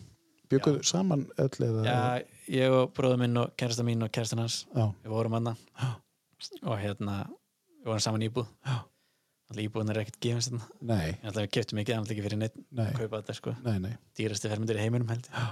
akkurat. en hérna, Og örgulega leigu verið líka. já já ég að við Ísland, reyndar Ísland er svo rándýrst Já, þetta er kannski reynd- bara orðið svipað og í þessu Kannski. Reykjavík sko Hugsaður. Já, við bara eins og akkurir eitthvað. já, þetta er þú veist já, ég, þetta er kannski bara ekkert þú veist, með, þetta var náttúrulega splitt á tvo reyndar Já, já. þannig að ég var að borga bara eins og íbúð í Reykjavík sko. Já, ég skil. þannig að það er henni helmingi dýrara þá Mhm, en þetta var náttúrulega geggja ég elska sólina og heitt við þér sko. Já. ég þóla ekki kalt við þér Og þú býrð á akkurir. já, Já. en ég ætla líka röngu sporti ef ég hata kalt við þér Já, einmitt. en hérna, snjóbyrti gerir veturinn bærilegan sant? Já, já, Þannig að það er einmitt. kannski eitthvað. Rétt. Þannig að ég er svona sólstandamaður. Já. Þetta var geggja, bara íbúin okkar var bara á ströndinni, Já. 30 mínútur í flugvöllin, þannig að það var bara, það var ekkert mála að ferðast að hann, sko. Nei. Og það var bara 40 mínútur að kera upp í næsta skíðafell líka, sko. Það er íðislegt. Þannig að en við fórum undir ekkert mikið, við fórum alltaf að kera hans lengra til að fara í meiri almenni fjöll, sko. En þið voru á það í átt ár, lítur að, lítur að segja ýmislegt. Já, Þið hefðu nú farið ég fyrr. elska bara franska rivieran, þetta mónugu er hann í milli Fraklands og Ítalíu, þetta er alltaf bara geggjaður staður sko. Já. og skrítið bara þú veist, það var flug til nýs, maður alltaf flýgur til nýs Mhm. bara skrítið að Íslendingar er ekki að nýta þessar rivieru meira því að þetta er geggja svæði sko. Já, já. maður hugsar alltaf Fraklands sem sólastandal Nei, nei. er, sko, en þetta Nei, er nei. bara, þetta er bara geggja Já, það er hann lest sem fer hann meðfram og fer yfir til Nýs og yfir til Barcelona þetta er víst alveg bara einst og hverði í, í, í Já, já. lest sko. þetta er bara snild sko. en maður svona passa að segja því samt að vera ekkit að breytast í þessa hefðbundna mónugu fólk sko. Nei, við vorum alltaf bara en hefði það geta gerst maður sér að það er auðvelt að falla fyrir svona ætla, maður fattar ekki hvað fólk gaf mikið pinning fyrir maður kemur og sér hann að snekkjurnar og alla þessa bíla veist, það er bara meira spes að sjá Volvo heldur en Lamborghini sko. Já, maður meinas sé Volvo bara, ég er þess að sé Volvo en maður hættur þess að hina bíluna sko. Já, skrítið maður Já, þetta er svo tíma snekkjurnar og fólki líka bara svo mikið þetta er bara peningahugsun sko. Já, kannski maður reyna að blenda sig eitthvað fólk annað, eitthvað, já, bara, hvernig bíl átti Ég bara, "Æ, ekki með neitt bíl, ég leiði bara bíl þegar að fara eitthvað já, Já, ok, bara, já, bara, já, ég, ég, ég gamla Benz á Íslandi Já, ég átta þannig já átta þannig Já, ok, geggi, ég var ekkert að spyrja því en hún geti ekkert að láta mig vita einmitt, einmitt Já, hvaða snekkið þið? Já. Já, Ég með enga snekki, sko Og þetta er bara krakkar á, á, á, á sama aldri Já, bara alls konar hópa, Alls þetta er konar bara mjög hópa. blandað en hérna, þeir eru bara allir, þetta er búið lítið, sko þetta er alltaf næst minnsta land í heiminum, sko Já, einmitt Þetta er bara einhver 30.000 manns eða eitthvað sem Já, já Þannig að þetta er alveg gaman að sjá þetta en Það er ekki aldrei fleiri verið sem að búið vera svona. Nei, Sástu formúluna, fylgdist með Já. formúluna við vorum hann í tvö- eða þrjú skipti en ég er náttúrulega ekki fæna bara gegg að upplega þetta, Já, sko einmitt Við náttúrulega erum búin að vera hjá Monster svo lengi en við vorum alltaf með bara tikkitinn og allt Já, það besta auðvitað. í kringum formúluna, sko Það er einn af aðal sponsorunum ykkar Já, En þann dag í dag, já Já, ég reyndar er komið með öðru þessi díl. Ég var alltaf með sem persóna. Núna er þeir bara að styrkja verkinu sem ég tek mig fyrir hendur. Sko. Já, já Nei, mér dettur eitthvað í hug. Bara, "Ey, ég ætla að gera videoprotið. Þá, Monster er uh, orkudrykkur og, og, og, og varð hjúts veist, við erum að tala um Red Bull náttúrulega ámarkaðin að vera stærstur en Mons- Monster varð einhvern veginn bara risastór á bara örskömmin tíma já, þetta er geggja, þú veist, þeir voru bara ég- markasettu sér 100% þetta er svona það brand eða bara pælinga þeir, þeir bara þeir hjálpa öllu sem við tengum svona sessilega action sport, sko. já, og að hafa þá með okkur í liði þannig séð að bara ok, mér langar að gera þetta geggja, Mm. styrkjum þetta ég langar að koma þessar hangað það þurfti aldrei að berja styrninu maður bara sagði þeir, ég er með geggja hugminn Já. ég bara, "Ja, þetta er snilt já, og let's go Já. já, og þegar ég og Haldi voru alltaf alveg mörg ár, ég man ekki hvað var mörg ár sem við vorum hjá þeim hann er ennþá hjá þeim reyndar sjálfur Mhm. og hérna já, þeir bara einhvern veginn það var aldrei neitt vesinn nei, við gætum bara komið hugmynd og það var bara að hjálpa okkur við það eins og þau gætu sko. já um, X Games, við verðum að tala um það tökum lag og, og förum, sig- förum yfir á X Games og hérna eh, eigum við að fara til Noregs Já, Já. til í það. Þetta er engin smá bomba þetta lag og, og ég, ver- mér langar svo að spyrja svona hvenær sækjur þetta lag, er þetta svona Þetta er svona sami tími og þetta er sama söngkona sko, sem hún er að tala um aðan já, þetta er þessi sama söngkona og Knives og hún er að syngja þetta með Rauksöp sko. Já. þetta er röddinn hennar já. það er eitthvað vesarödd og þetta er að vera 20 ára gamalt þetta lag, þetta er þetta 15, er bara ennþá 15. classic Já, þetta er algjörsnitt Aldrei- aldrei verið eld þetta lag til What Else Is There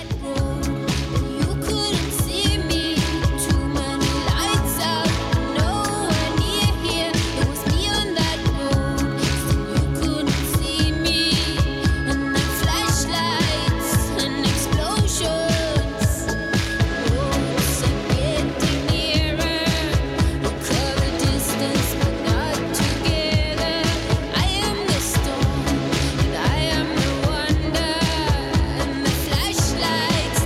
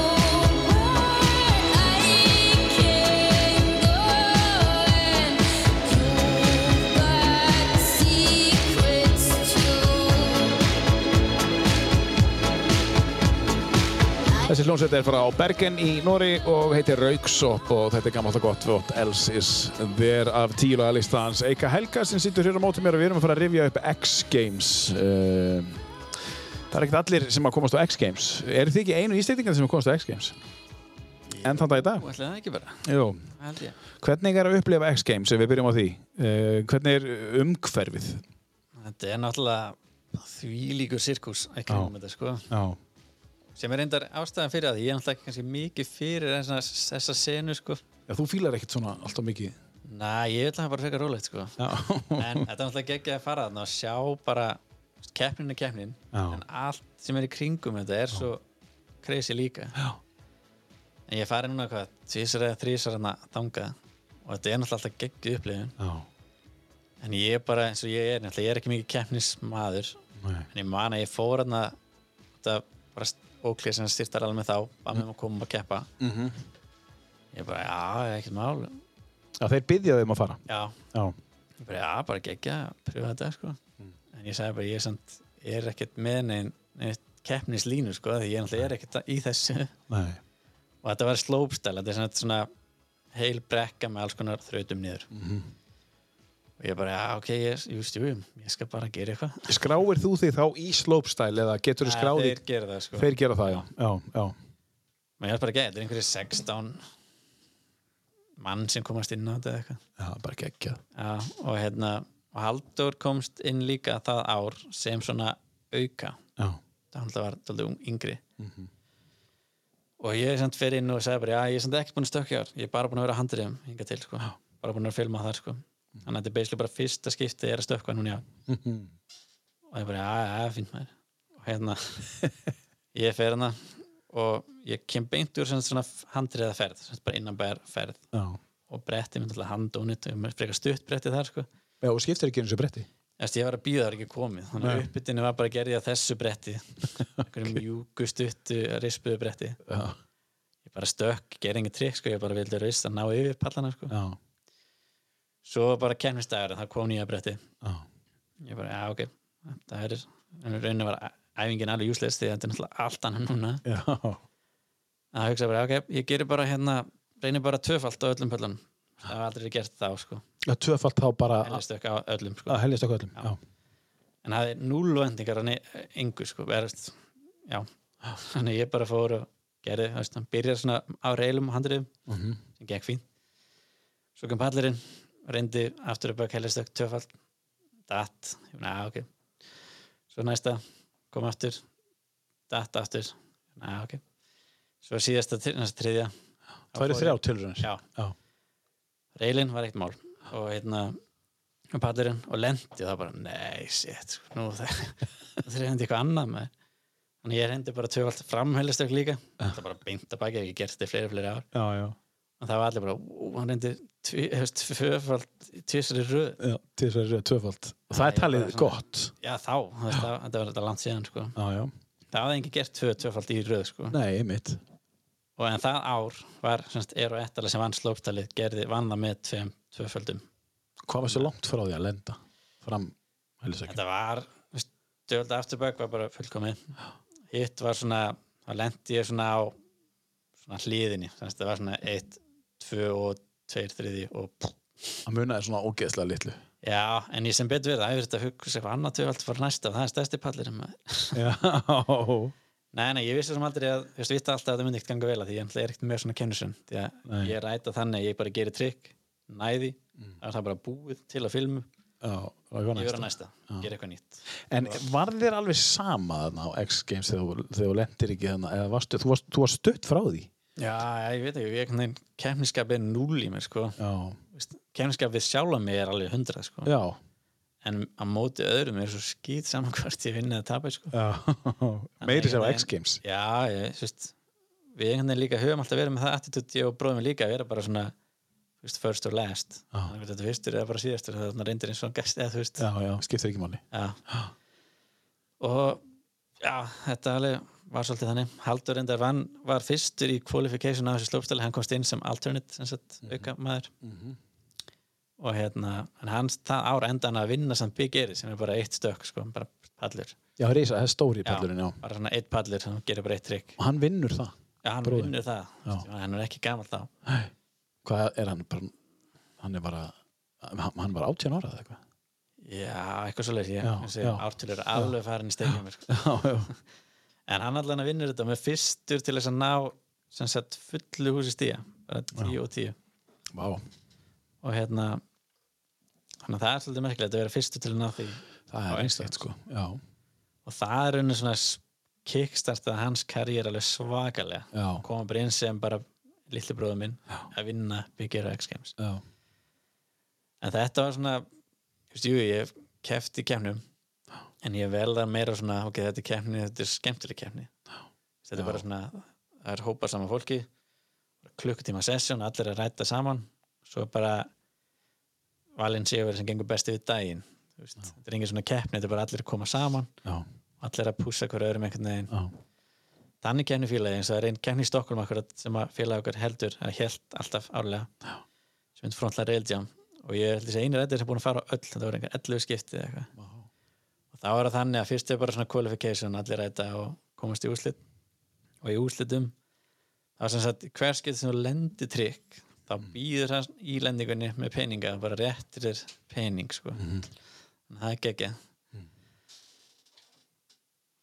já og hérna þannig að við erum svona, motivi, svona motivation að lenda og bara fá cash í hendunar og Já. stingi vasan já, þetta er Já. engar háar upp að er en bara þetta Nei. er feelingur sko. já, já, já, já, svo er bara að tekið svona overall vinnir í endan já, já, já. Æðislegt. þannig kefni fílaði en ég fíla ekki svona meira svona, sérstaklega X-Games er mikið bara stólaða sjónvarpið Já, Þú veist, ég man að ég var að droppa inn bara eitthvað ekki er, are you ready? bara, já, ah, wait 15 minute TV commercial break já, ha, það er bara að býða hérna í 15 mínútur þannig að koma að lagsin það voru ískaldur eftir, "Ah, ok, go já, maður bara keppni við tímanni sjóars já, útsendingunni sko. magnað. þá fatt ég bara ok, þetta er svo skelvilega leiðilegt sko. Já, hún nefnir þess ja, ekki. þetta er ekki ég sko. En Þú er ekki, og, og, og, og þú- þú einhvern veginn hefur alltaf verið svona. já, Já, ég held að ég verð alltaf mínar leiðir kannski já, og það er þessna kannski sem að, já, já þú, þú hefur all- alltaf verið svona líka í, í uppeldinu, eða, eða, þú veist, já, bara, ég ætla að byrja þessu fann mér náttúrulega aldrei í fótbolta og því dæmi sko, Nei. þannig ég fann hjólabretti þá einhvern veginn fekk maður eitthvað plattform til þess að koma út með creativity sko. fóstu í fótboltan fyrst eins og, eins og bróðin gerði? já, Þetta er ég bara- reyndi sko en Já, það líð að vinna og já, allir nefnir því ekki. öskranda hvern annan og einhver gerir Hryllilegt. mistök það er hann bara að rakka en ég mér finnst það ekki spennandi Nei, þú ert ekki þessi típa. Nei. Nei. Herri, við ætlum að taka lag núna og, og svo ætlum við að spila svona brotúr einhverjum lögum sem að þú er sami þú verður að leika þér svolítið sem að tónlist og við ætlum að taka núna eitt af, af listanum mm -hmm.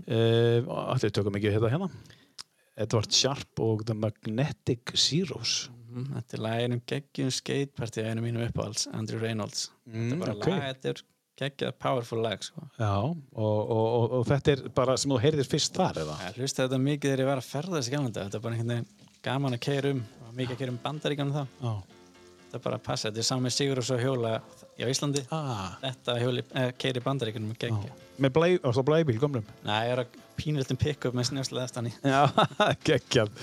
Þeir eru sko að heyra þetta, Om Nasty Me uh, uh, af plötunni Up From Below.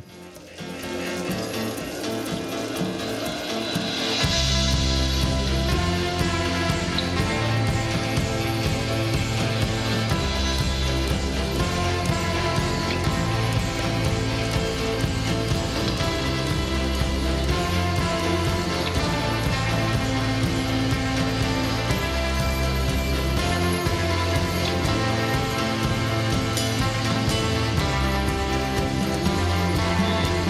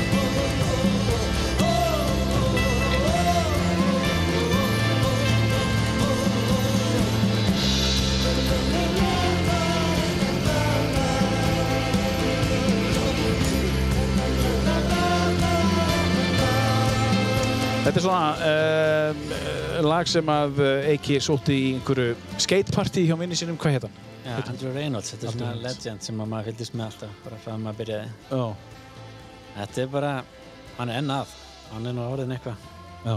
hann er alveg að senda það ennþá Hvað halda menn áfram í þessu? Þú veist, þetta er lítið, sko, það sem, leiðin sem að þú valdir, Mhm. hún hlýtur að vera lengri heldur en leiðin sem að eh, keppnismadur velur. Þetta er kannski svolítið líka bara hvernig þú hugsa hann sjálf að þig sko. en Já, ég held eins og segi, ég er 33 ári í dag já, ég finnst ég ekkert að vera nálægt í að hætta sko. nei. Það er nóg eftir. og svo finnst mér líka oft skrítið að skeitarar virðast endast lengur en sko. snjóbætafólk Já, veit ekki hvað það er, það er kannski, þú veist, mann finnst eins og högg á snjóhjólubrætti séu verri já, þetta einmitt, dætt að rúli í malbyggi einmitt. en ég held bara því að stærðin er svo miklu miklu meiri á snjóhjólubrætti, mm kannski tekur mann svolítið meira niður Mhm. þannig að þetta er alveg, ég er búin að oft pæla í þessu akkur að skeitar að vera Já. stærðast lengur sko. Einmitt, einmitt. Um, en þú ert allavega rétt að byrja, þú ert góð tíu ár eftir. nýbyrjaður maður. Já, já, já, og bara og, og, og þú ert líka búin að vera að semja tónlist hérna, ekki, og við ætlum að spila smá við hófum nú leikin á, á, á lægi eftir þig og, og hérna, þú ert nú uh, norðan maður og við hefum verið að einbjöta okkur að spila tónlist Mhm. mm með, við, og það er nú gaman að þú ert bara með þetta í símaninum og það er algjörlega random óvart Já, ég er við vorum þetta ekkert að búin að ný- plana ekkert- þetta bara tildulega nýlega búin að finna harðadisk með þessu lögum sko. Já. Þannig ég hendiði mér síman fyrir kannski nokkru mánuðin síðan sko. Já, hvenær byrjaði þér að gera þetta? sko, ég man ég ökla brotna eitt tíma skellilega þegar ég var í tíundabæk Já, það sagði ég bara, herri nú er bara tími, ég ætla bara að köpa með gítar ég ætla að læra að spila á gítar já, og hérna, ég gerði það bara, ég nýtti bara tíman að gekk sem er eitt gert neitt annað, já, læraði á gítar ja, þú veist, læraði að glamra á gítar já, já.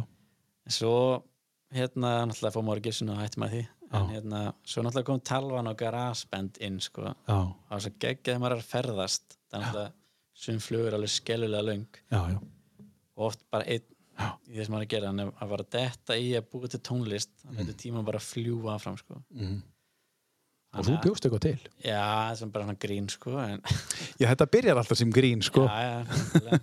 En sp- spilum hérna svona brot úr segðu okkur aðeins hvað við ætlum að spi- heyra núna spilum smá brot úr, úr, úr lægi sem að uh, er í símaninn nú ertu múin að pluggast bara hérna bluetooth við hérna, við hérna mixerin okkar ok, og þetta er bara að gerast hérna í- eins og maður segir í beinni útsendingu hvað ætlum við að heyra núna? herru, þetta er lag sem að heitir Diarrhea Diarrhea, þetta er niðurgangur sem sagt ég bjó til lag og hérna frændi minn Já, þess að var í heimsókn já, og hann var bara, bara strákur sko, 9-10 Já. ára, ég man ekki, eða yngri kannski já, hann svo veist kannarlega enn sko, hann er sem sagt hálfur hérna, mexikani já, og hérna ég sagði bara, hey, hann er ekki bara að freestyle eitthvað hérna, ég spila bara lagið og þú bara rekordar freestyle já. var ekkert plan og hann bara frístalaði þetta ok já, þetta kom svo fyndi út að ég bara leta það flakka sko. hvað er með það? Eh, Hendur mér svo lóti og þetta heitir niðurgangur en, en, en lægið er náttúrulega kannski ekki niðurgangur það er bara mjög gott Skulum heyra aðeins hérna okkur brot úr lögunum að segja hérna næstu mínútur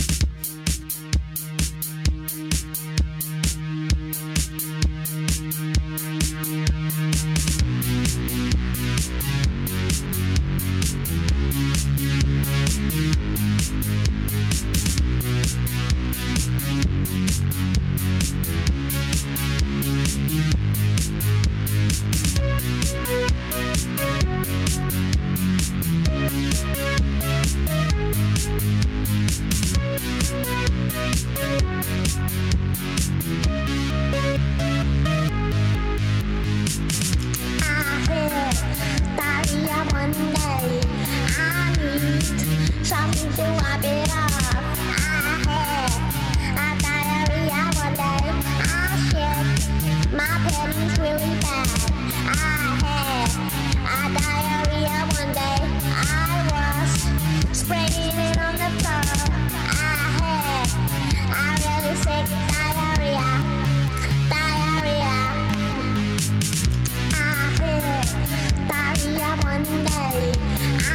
Something Hér er bara uh, César frændið að- að að, um, eh, já bara frístæl frístæla þetta bara leta mér á headphone og rekorda hann syngja í lagi og hann skerði bara, saði bara eitthvað bara uh, hann bara kom með þetta sko. kom með þetta bara Já.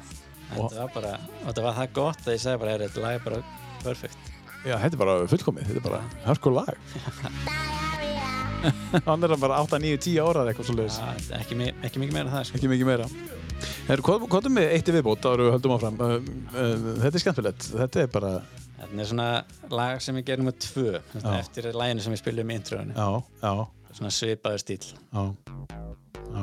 Hvað heit aftur fyrsta lagi sem við byrjum á? Is it love or is it something else? Já, is it love or is it something else? Og þetta heitir Þetta heitir It's you that I want It's you that I want. Þetta er svona alltaf þema að bara ítar í kort og frístæla Já. svo laga maður bara aðeins og letur að flakka Bara eins og þú ert á brettum. Já, Já. það sem kemur kemur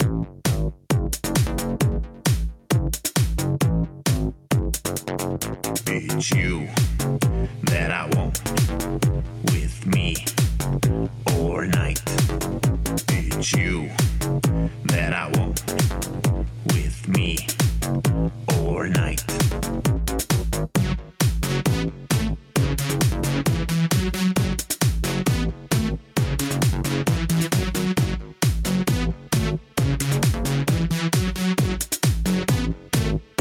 It's you that I want with me all night. It's you that I want with me all night. It's you that I want with me all night. It's you that I want with me all night.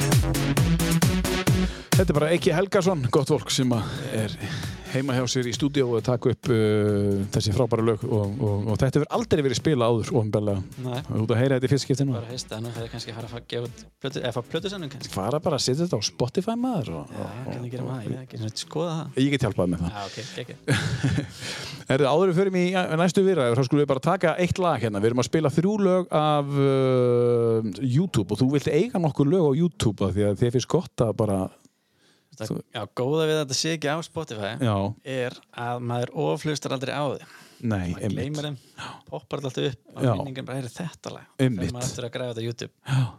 en sumum þessar lögum er algjörlega samt að vera á Spotify en, en, En eru það bara ástæðum ekki? eru það ekki Eins og lögin þín. Það eiga að Já, vera á Spotify. kannski þetta Svo hendi sér YouTube svo fólk fá aldrei okkið okay. Já, ég myndi gera það Já, mitt En hverju viltu byrja á hér? Eh, Við erum með hér eh, þetta lag og við erum með þetta, Þetta lag er tökum bara Cool Runnings Cool Runnings Þetta er When I Got High With You heitir það Já, Það var hérna í videopart frá mér sem var gefin út af Transworld Snowboarding sem er snowboardablað Mhm. í bandaríkjunum sem er endur ekki til lengur Nei. Þetta var líka svona videopartur sem var gefin út ekstra semst, í videónu sjálf er ég og Gulli saman með videopart já og hann gerði samt ekstra til þess að droppa svona auka footage mm. og ég valdi ekki lægið Nei. þetta er félagið minn sem að hérna, valdi þetta og klifti þetta og ég fannst hann akkur bara hitta svo perfekt á Já. minn stíl að þetta bara þetta alveg fyrir þessu sko. Já, hann er greina þekkir Já, Manninn sinn. þetta ekki er alveg eitthvað Já Við skulum heyra þetta Cool Runnings Þetta er hljómsveitin When I Got High With You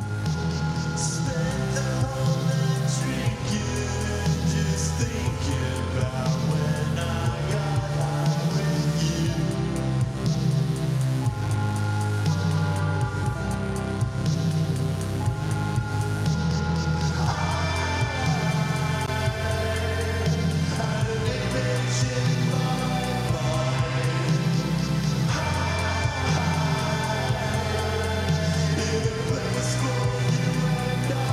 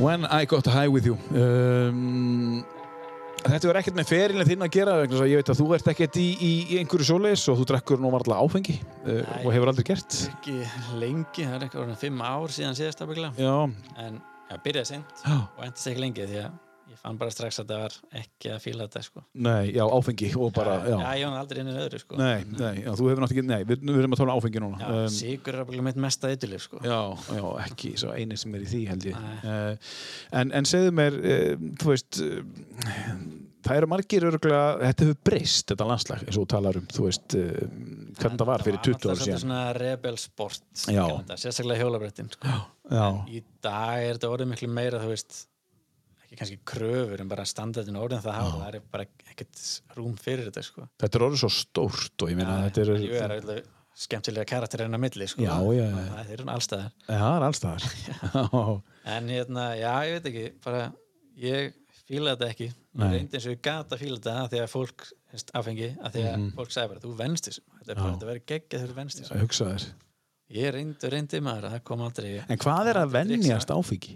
ég, veit ekki, ég sagði eitthvað bara, þetta er allt svo skelvilega vond það er nummer eitt og þrjú, sko. Já, vant á bræðið ég er svona nautnarsegur ég voru nammi og allt sem er gott Já, áfengi fannst mér aldrei gott Nei. það er eitthvað við semst, það sé ekki bara áfengis sem kemur eftir á sko já, já a- öndunin sko Já, já, það já, fyrir skellulega í mér sko já, ég fæ bara hausverk bara svona af því já og, og mér fíla ekki að vera ringlaðir Nei. ég fíla ekki að vera ringlaðir Nei, og það allt innan bara einn daginn bara heyri ég fíla ekki bræðið, ég fíla Mhm. ekki að vera ringlaðir þannig ég fíla ekki að vera drikkin ég hætti þessu og þú talar líka svolítið, svolítið athyglisvert- athyglisvert athyglisvert, ekki, þú talar um sko að, að maður á að leifa sér að leiðast Já, ég held nefnilega að eins og fyrir mig að leiðast er svo mikilvægt fyrir creativity Já. því að ég held að heilin bara fari í eitthvað mót ég að reyna að skemmta þér með einhverju svona creativity og góðum hugsunum að mér í rauninni finnst bara geggjað að leiðast Já, Þess- eins og að vera að ferðast einn í þínum eigin heimi já, er geggjað af því að þú ferð í svo mikið brainstorm já, og flestar hugmyndir er að koma úr því þú veist, þegar maður hefur ekkert að gera já, einmitt mér finnst krakkar í dag, þú veist, þeir eru með allt og mikið við hendina til að grípi Já, að þeim leiðist aldrei nei, einmitt, og ég vil meina að það dreipur svolítið kreativiti af því ef að heilin er alltaf að góða sá punktar kannski Netflix eða fókus alltaf á eitthvað Já, þá hefur hann aldrei hann tíma til að fara í creativity mode sko. þetta er mjög góða punktur það uh, er svona, já, mín pæling allavega Já, þú veist, ég held líka í uppeldi þú átt nú litla stelpu ég meina fjára Já, uh, ég heldur miklu uh, sko, uh, maður sér þetta svolítið mikið í kringu sér að börnum má ekki leiðast þetta mm Mhm. bara, þú veist, bara að það er að skemmta þeim og ég sé að börnum minn lí- leiðist, leiðið þeim bara að leiðast Já. skilur, þá finnur hún sér eitthvað að gera Er þú það þarna? er sko, nákvæmlega, ef maður leiðist þá finnum maður sér eitthvað að gera Já, en ég fann alveg sjálfur með social media til dæmis að þú ert automatist komin að skrolla já, og það drepur brain activity finnst mér allavega já, já þú fer bara automatist að horfa og hugsa hvað er að gerast í vídjón í staðan fyrir að finna upp að einhverju haustum að þér sko. Til þess að setja, búið til vídeo Já. Já, en jú, auðvitað er fínt að fá inspiration já. en já, það ert samt alltaf tíma til þess að smetla hugmyndunum saman í haustum að þér Mhm. þá held ég akkurat að þessi tími sem leiðist er perfect tími fyrir það Tölum aðeins um hérna fjölskylduhægi þú, þú ert búin að vera með sömu konun í já, æsku ástinni þinni, eða? 12 ár Já, 12 ár, já. Já. Það er æsku ástin líklega Já, Þau við eru- erum að geta okkur í, núna bara í COVID sko. Já, til hamingi með Takk það. fyrir Og, og hva- hvar var, hvar heldur, já, veistlu í gæsalöfum? Það var nú bara að segja, maður er ekki mikið fyrir partíin, þannig að við nýttum bara situationnið og Þetta var bara tilvalið fyrir bara þig. tíu manns Já, bara nánustu heim og vissi enginn að þið fyrir en presturinn kom og gift okkur sko. æðislegt. Var þetta var síðasta sumar eða?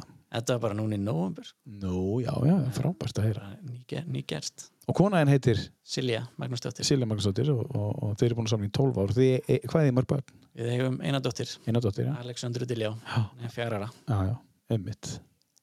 Nei, Þetta er bara, ja, breytist alltaf, öruvísi Já. en þetta er bara geggja Já, það er æðislegt, sko. Er hún eitthvað í bretta, Hún, bretta sem er hoppa sín? ég er ekki sá sem allar ítin í þetta Nei, nei.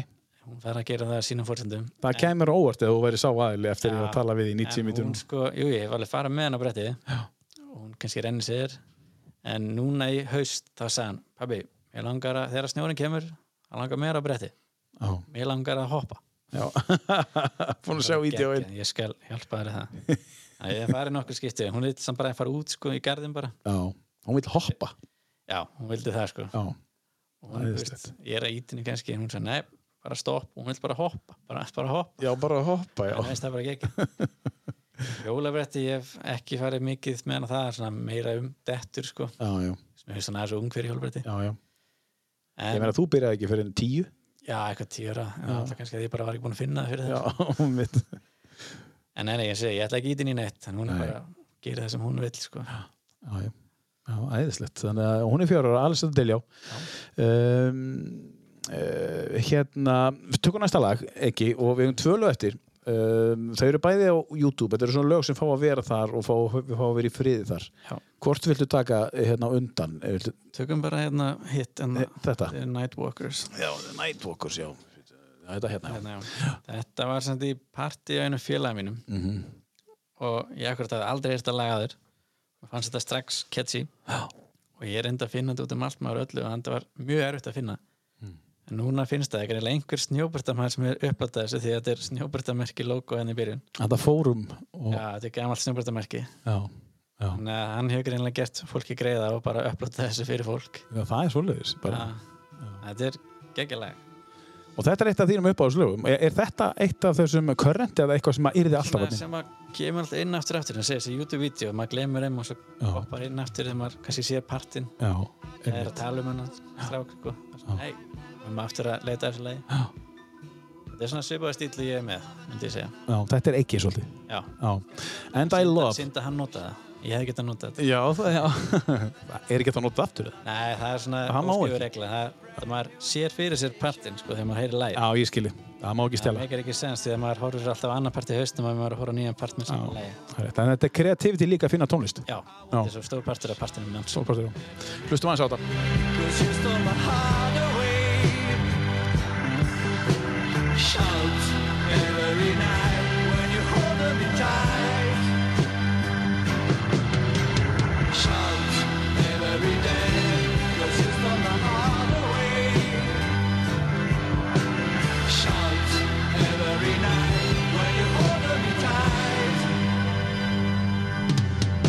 And I'd like to tell you a story of an ever growing love.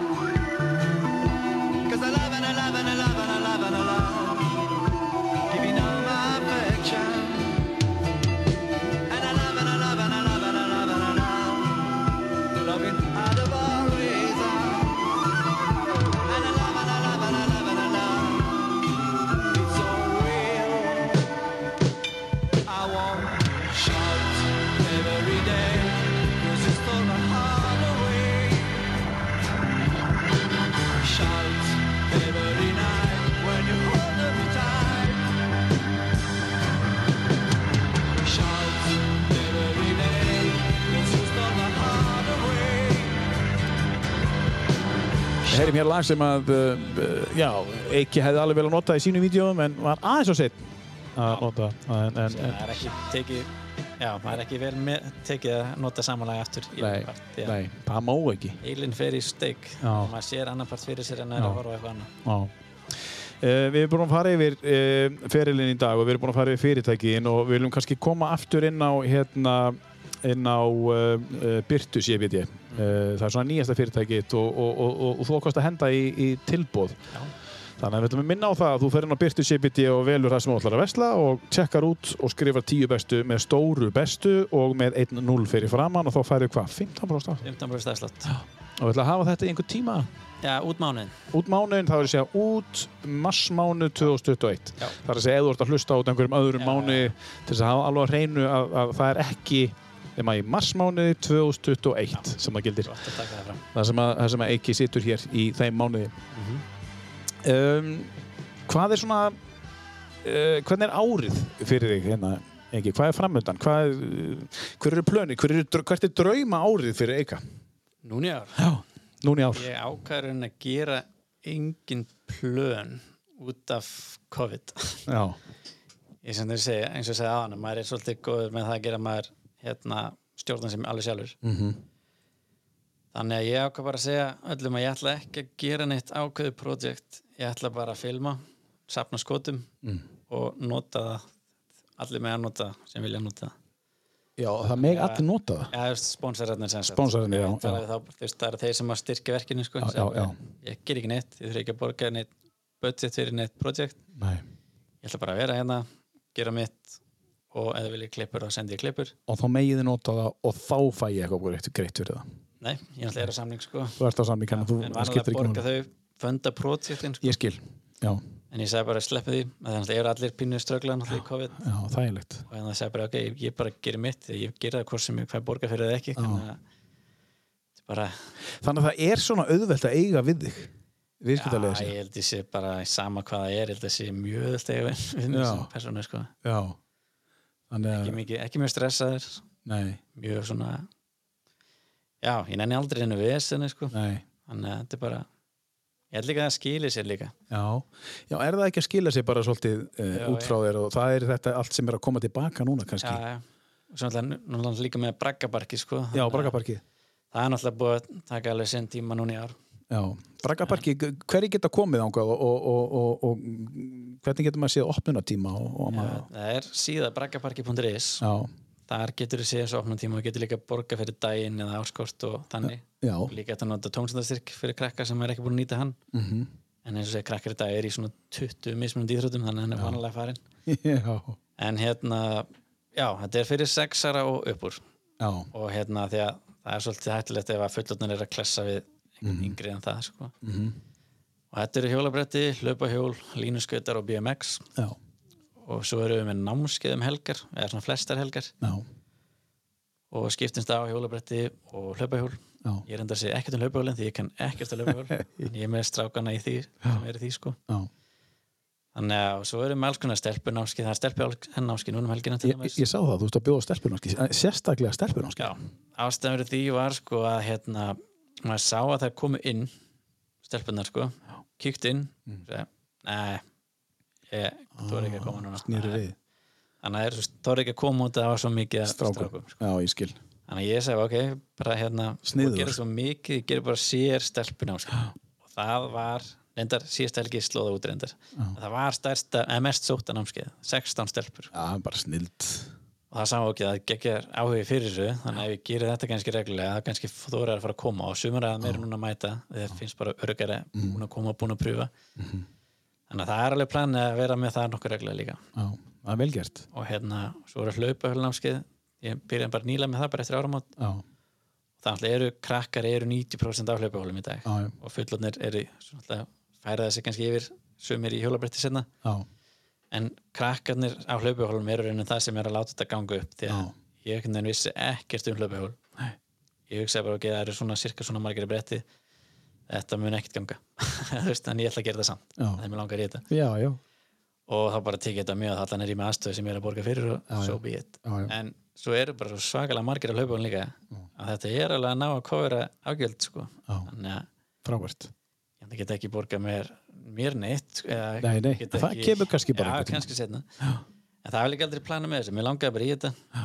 og þetta var reyni leiðin til þess að fá eitthvað inn á móti já, Þú ert búin að búa eitthvað til núna sem var ekki til og sem að vantaði, er búið að vanta sístu 20 ári. já, já. Þú ert búin að búa það til.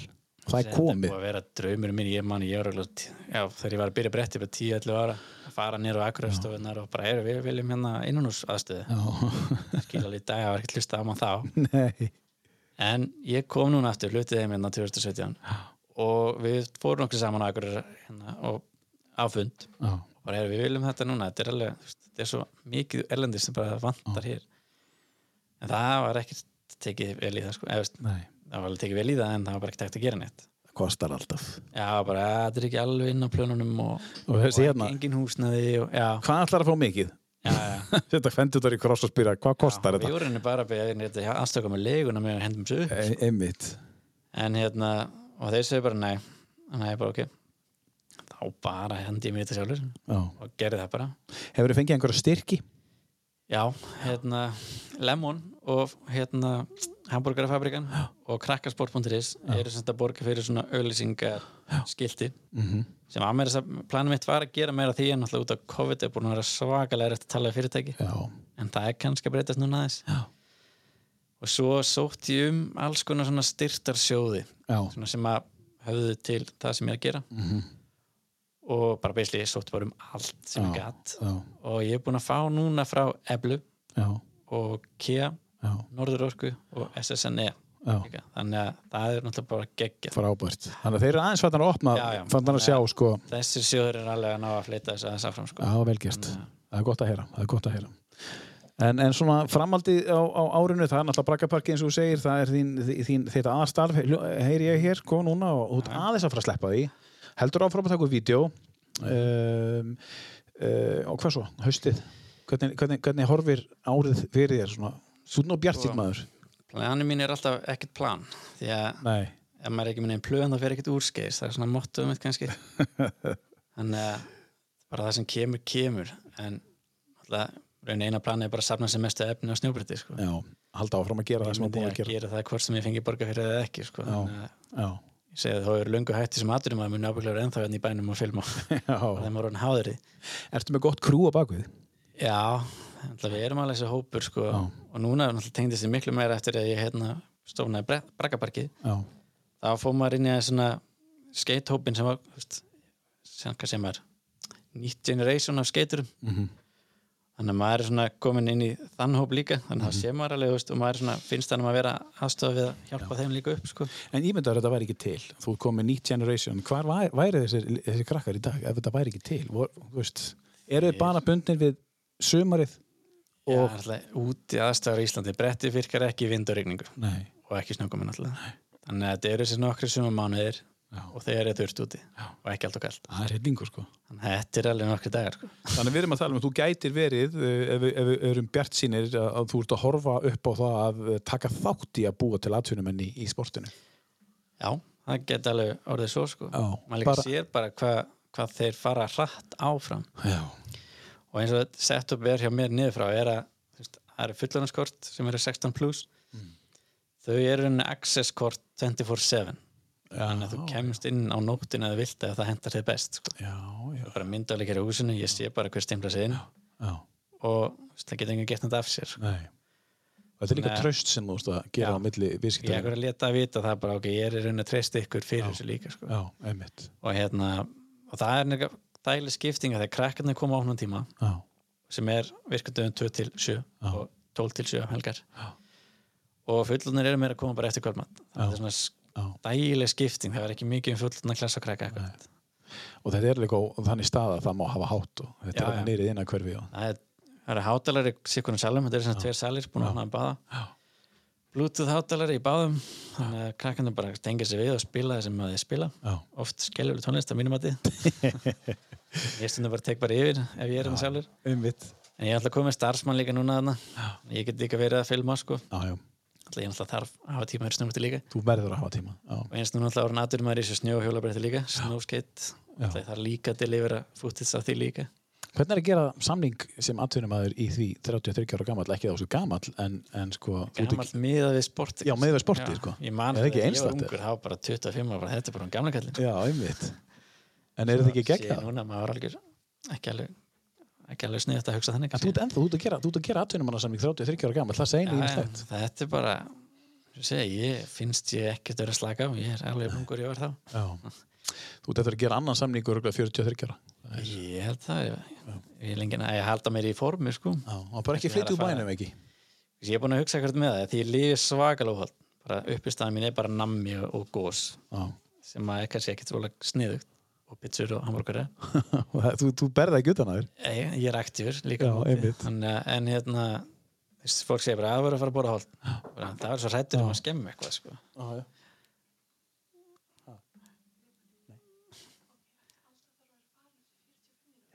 Við erum að klára. Það er verið að rekka eftir okkur. en já ég hugsaði þú veist, þeir segja þú verður að fara að bóra holdara alltaf endast lengi og svona já ég er svo hrættur ef ég breyti einhverju að það er að fara að skemma Já, Þú veist, ég er kannski bara búin að aðalæðast þessu já, já, en ef maður fer að breyta einhverju þá kannski fer allt í steik já, já, líka maður hefur bara sjokk einmitt, einmitt. ég segi, maður er alveg í fínu formi en jú, ég er alveg að reyna að borða hóllara með Já, já, það er það sem maður getur gert. já, og kannski taka þetta hægt rólega í skrifum kannski Já, já. Herði, við skulum, við skulum hérna, við, við getum haldið áfram hér í allan dag en, en það eru fleiri sem þurfa að komast að í stúdíónu ekki Mhm. og við skulum hérna bara enda þetta á lægi með þá enn aftur sömu Þetta söngunu er The Knife, þetta er svona orginal hljómsveitin sem þessi kona var í -hmm.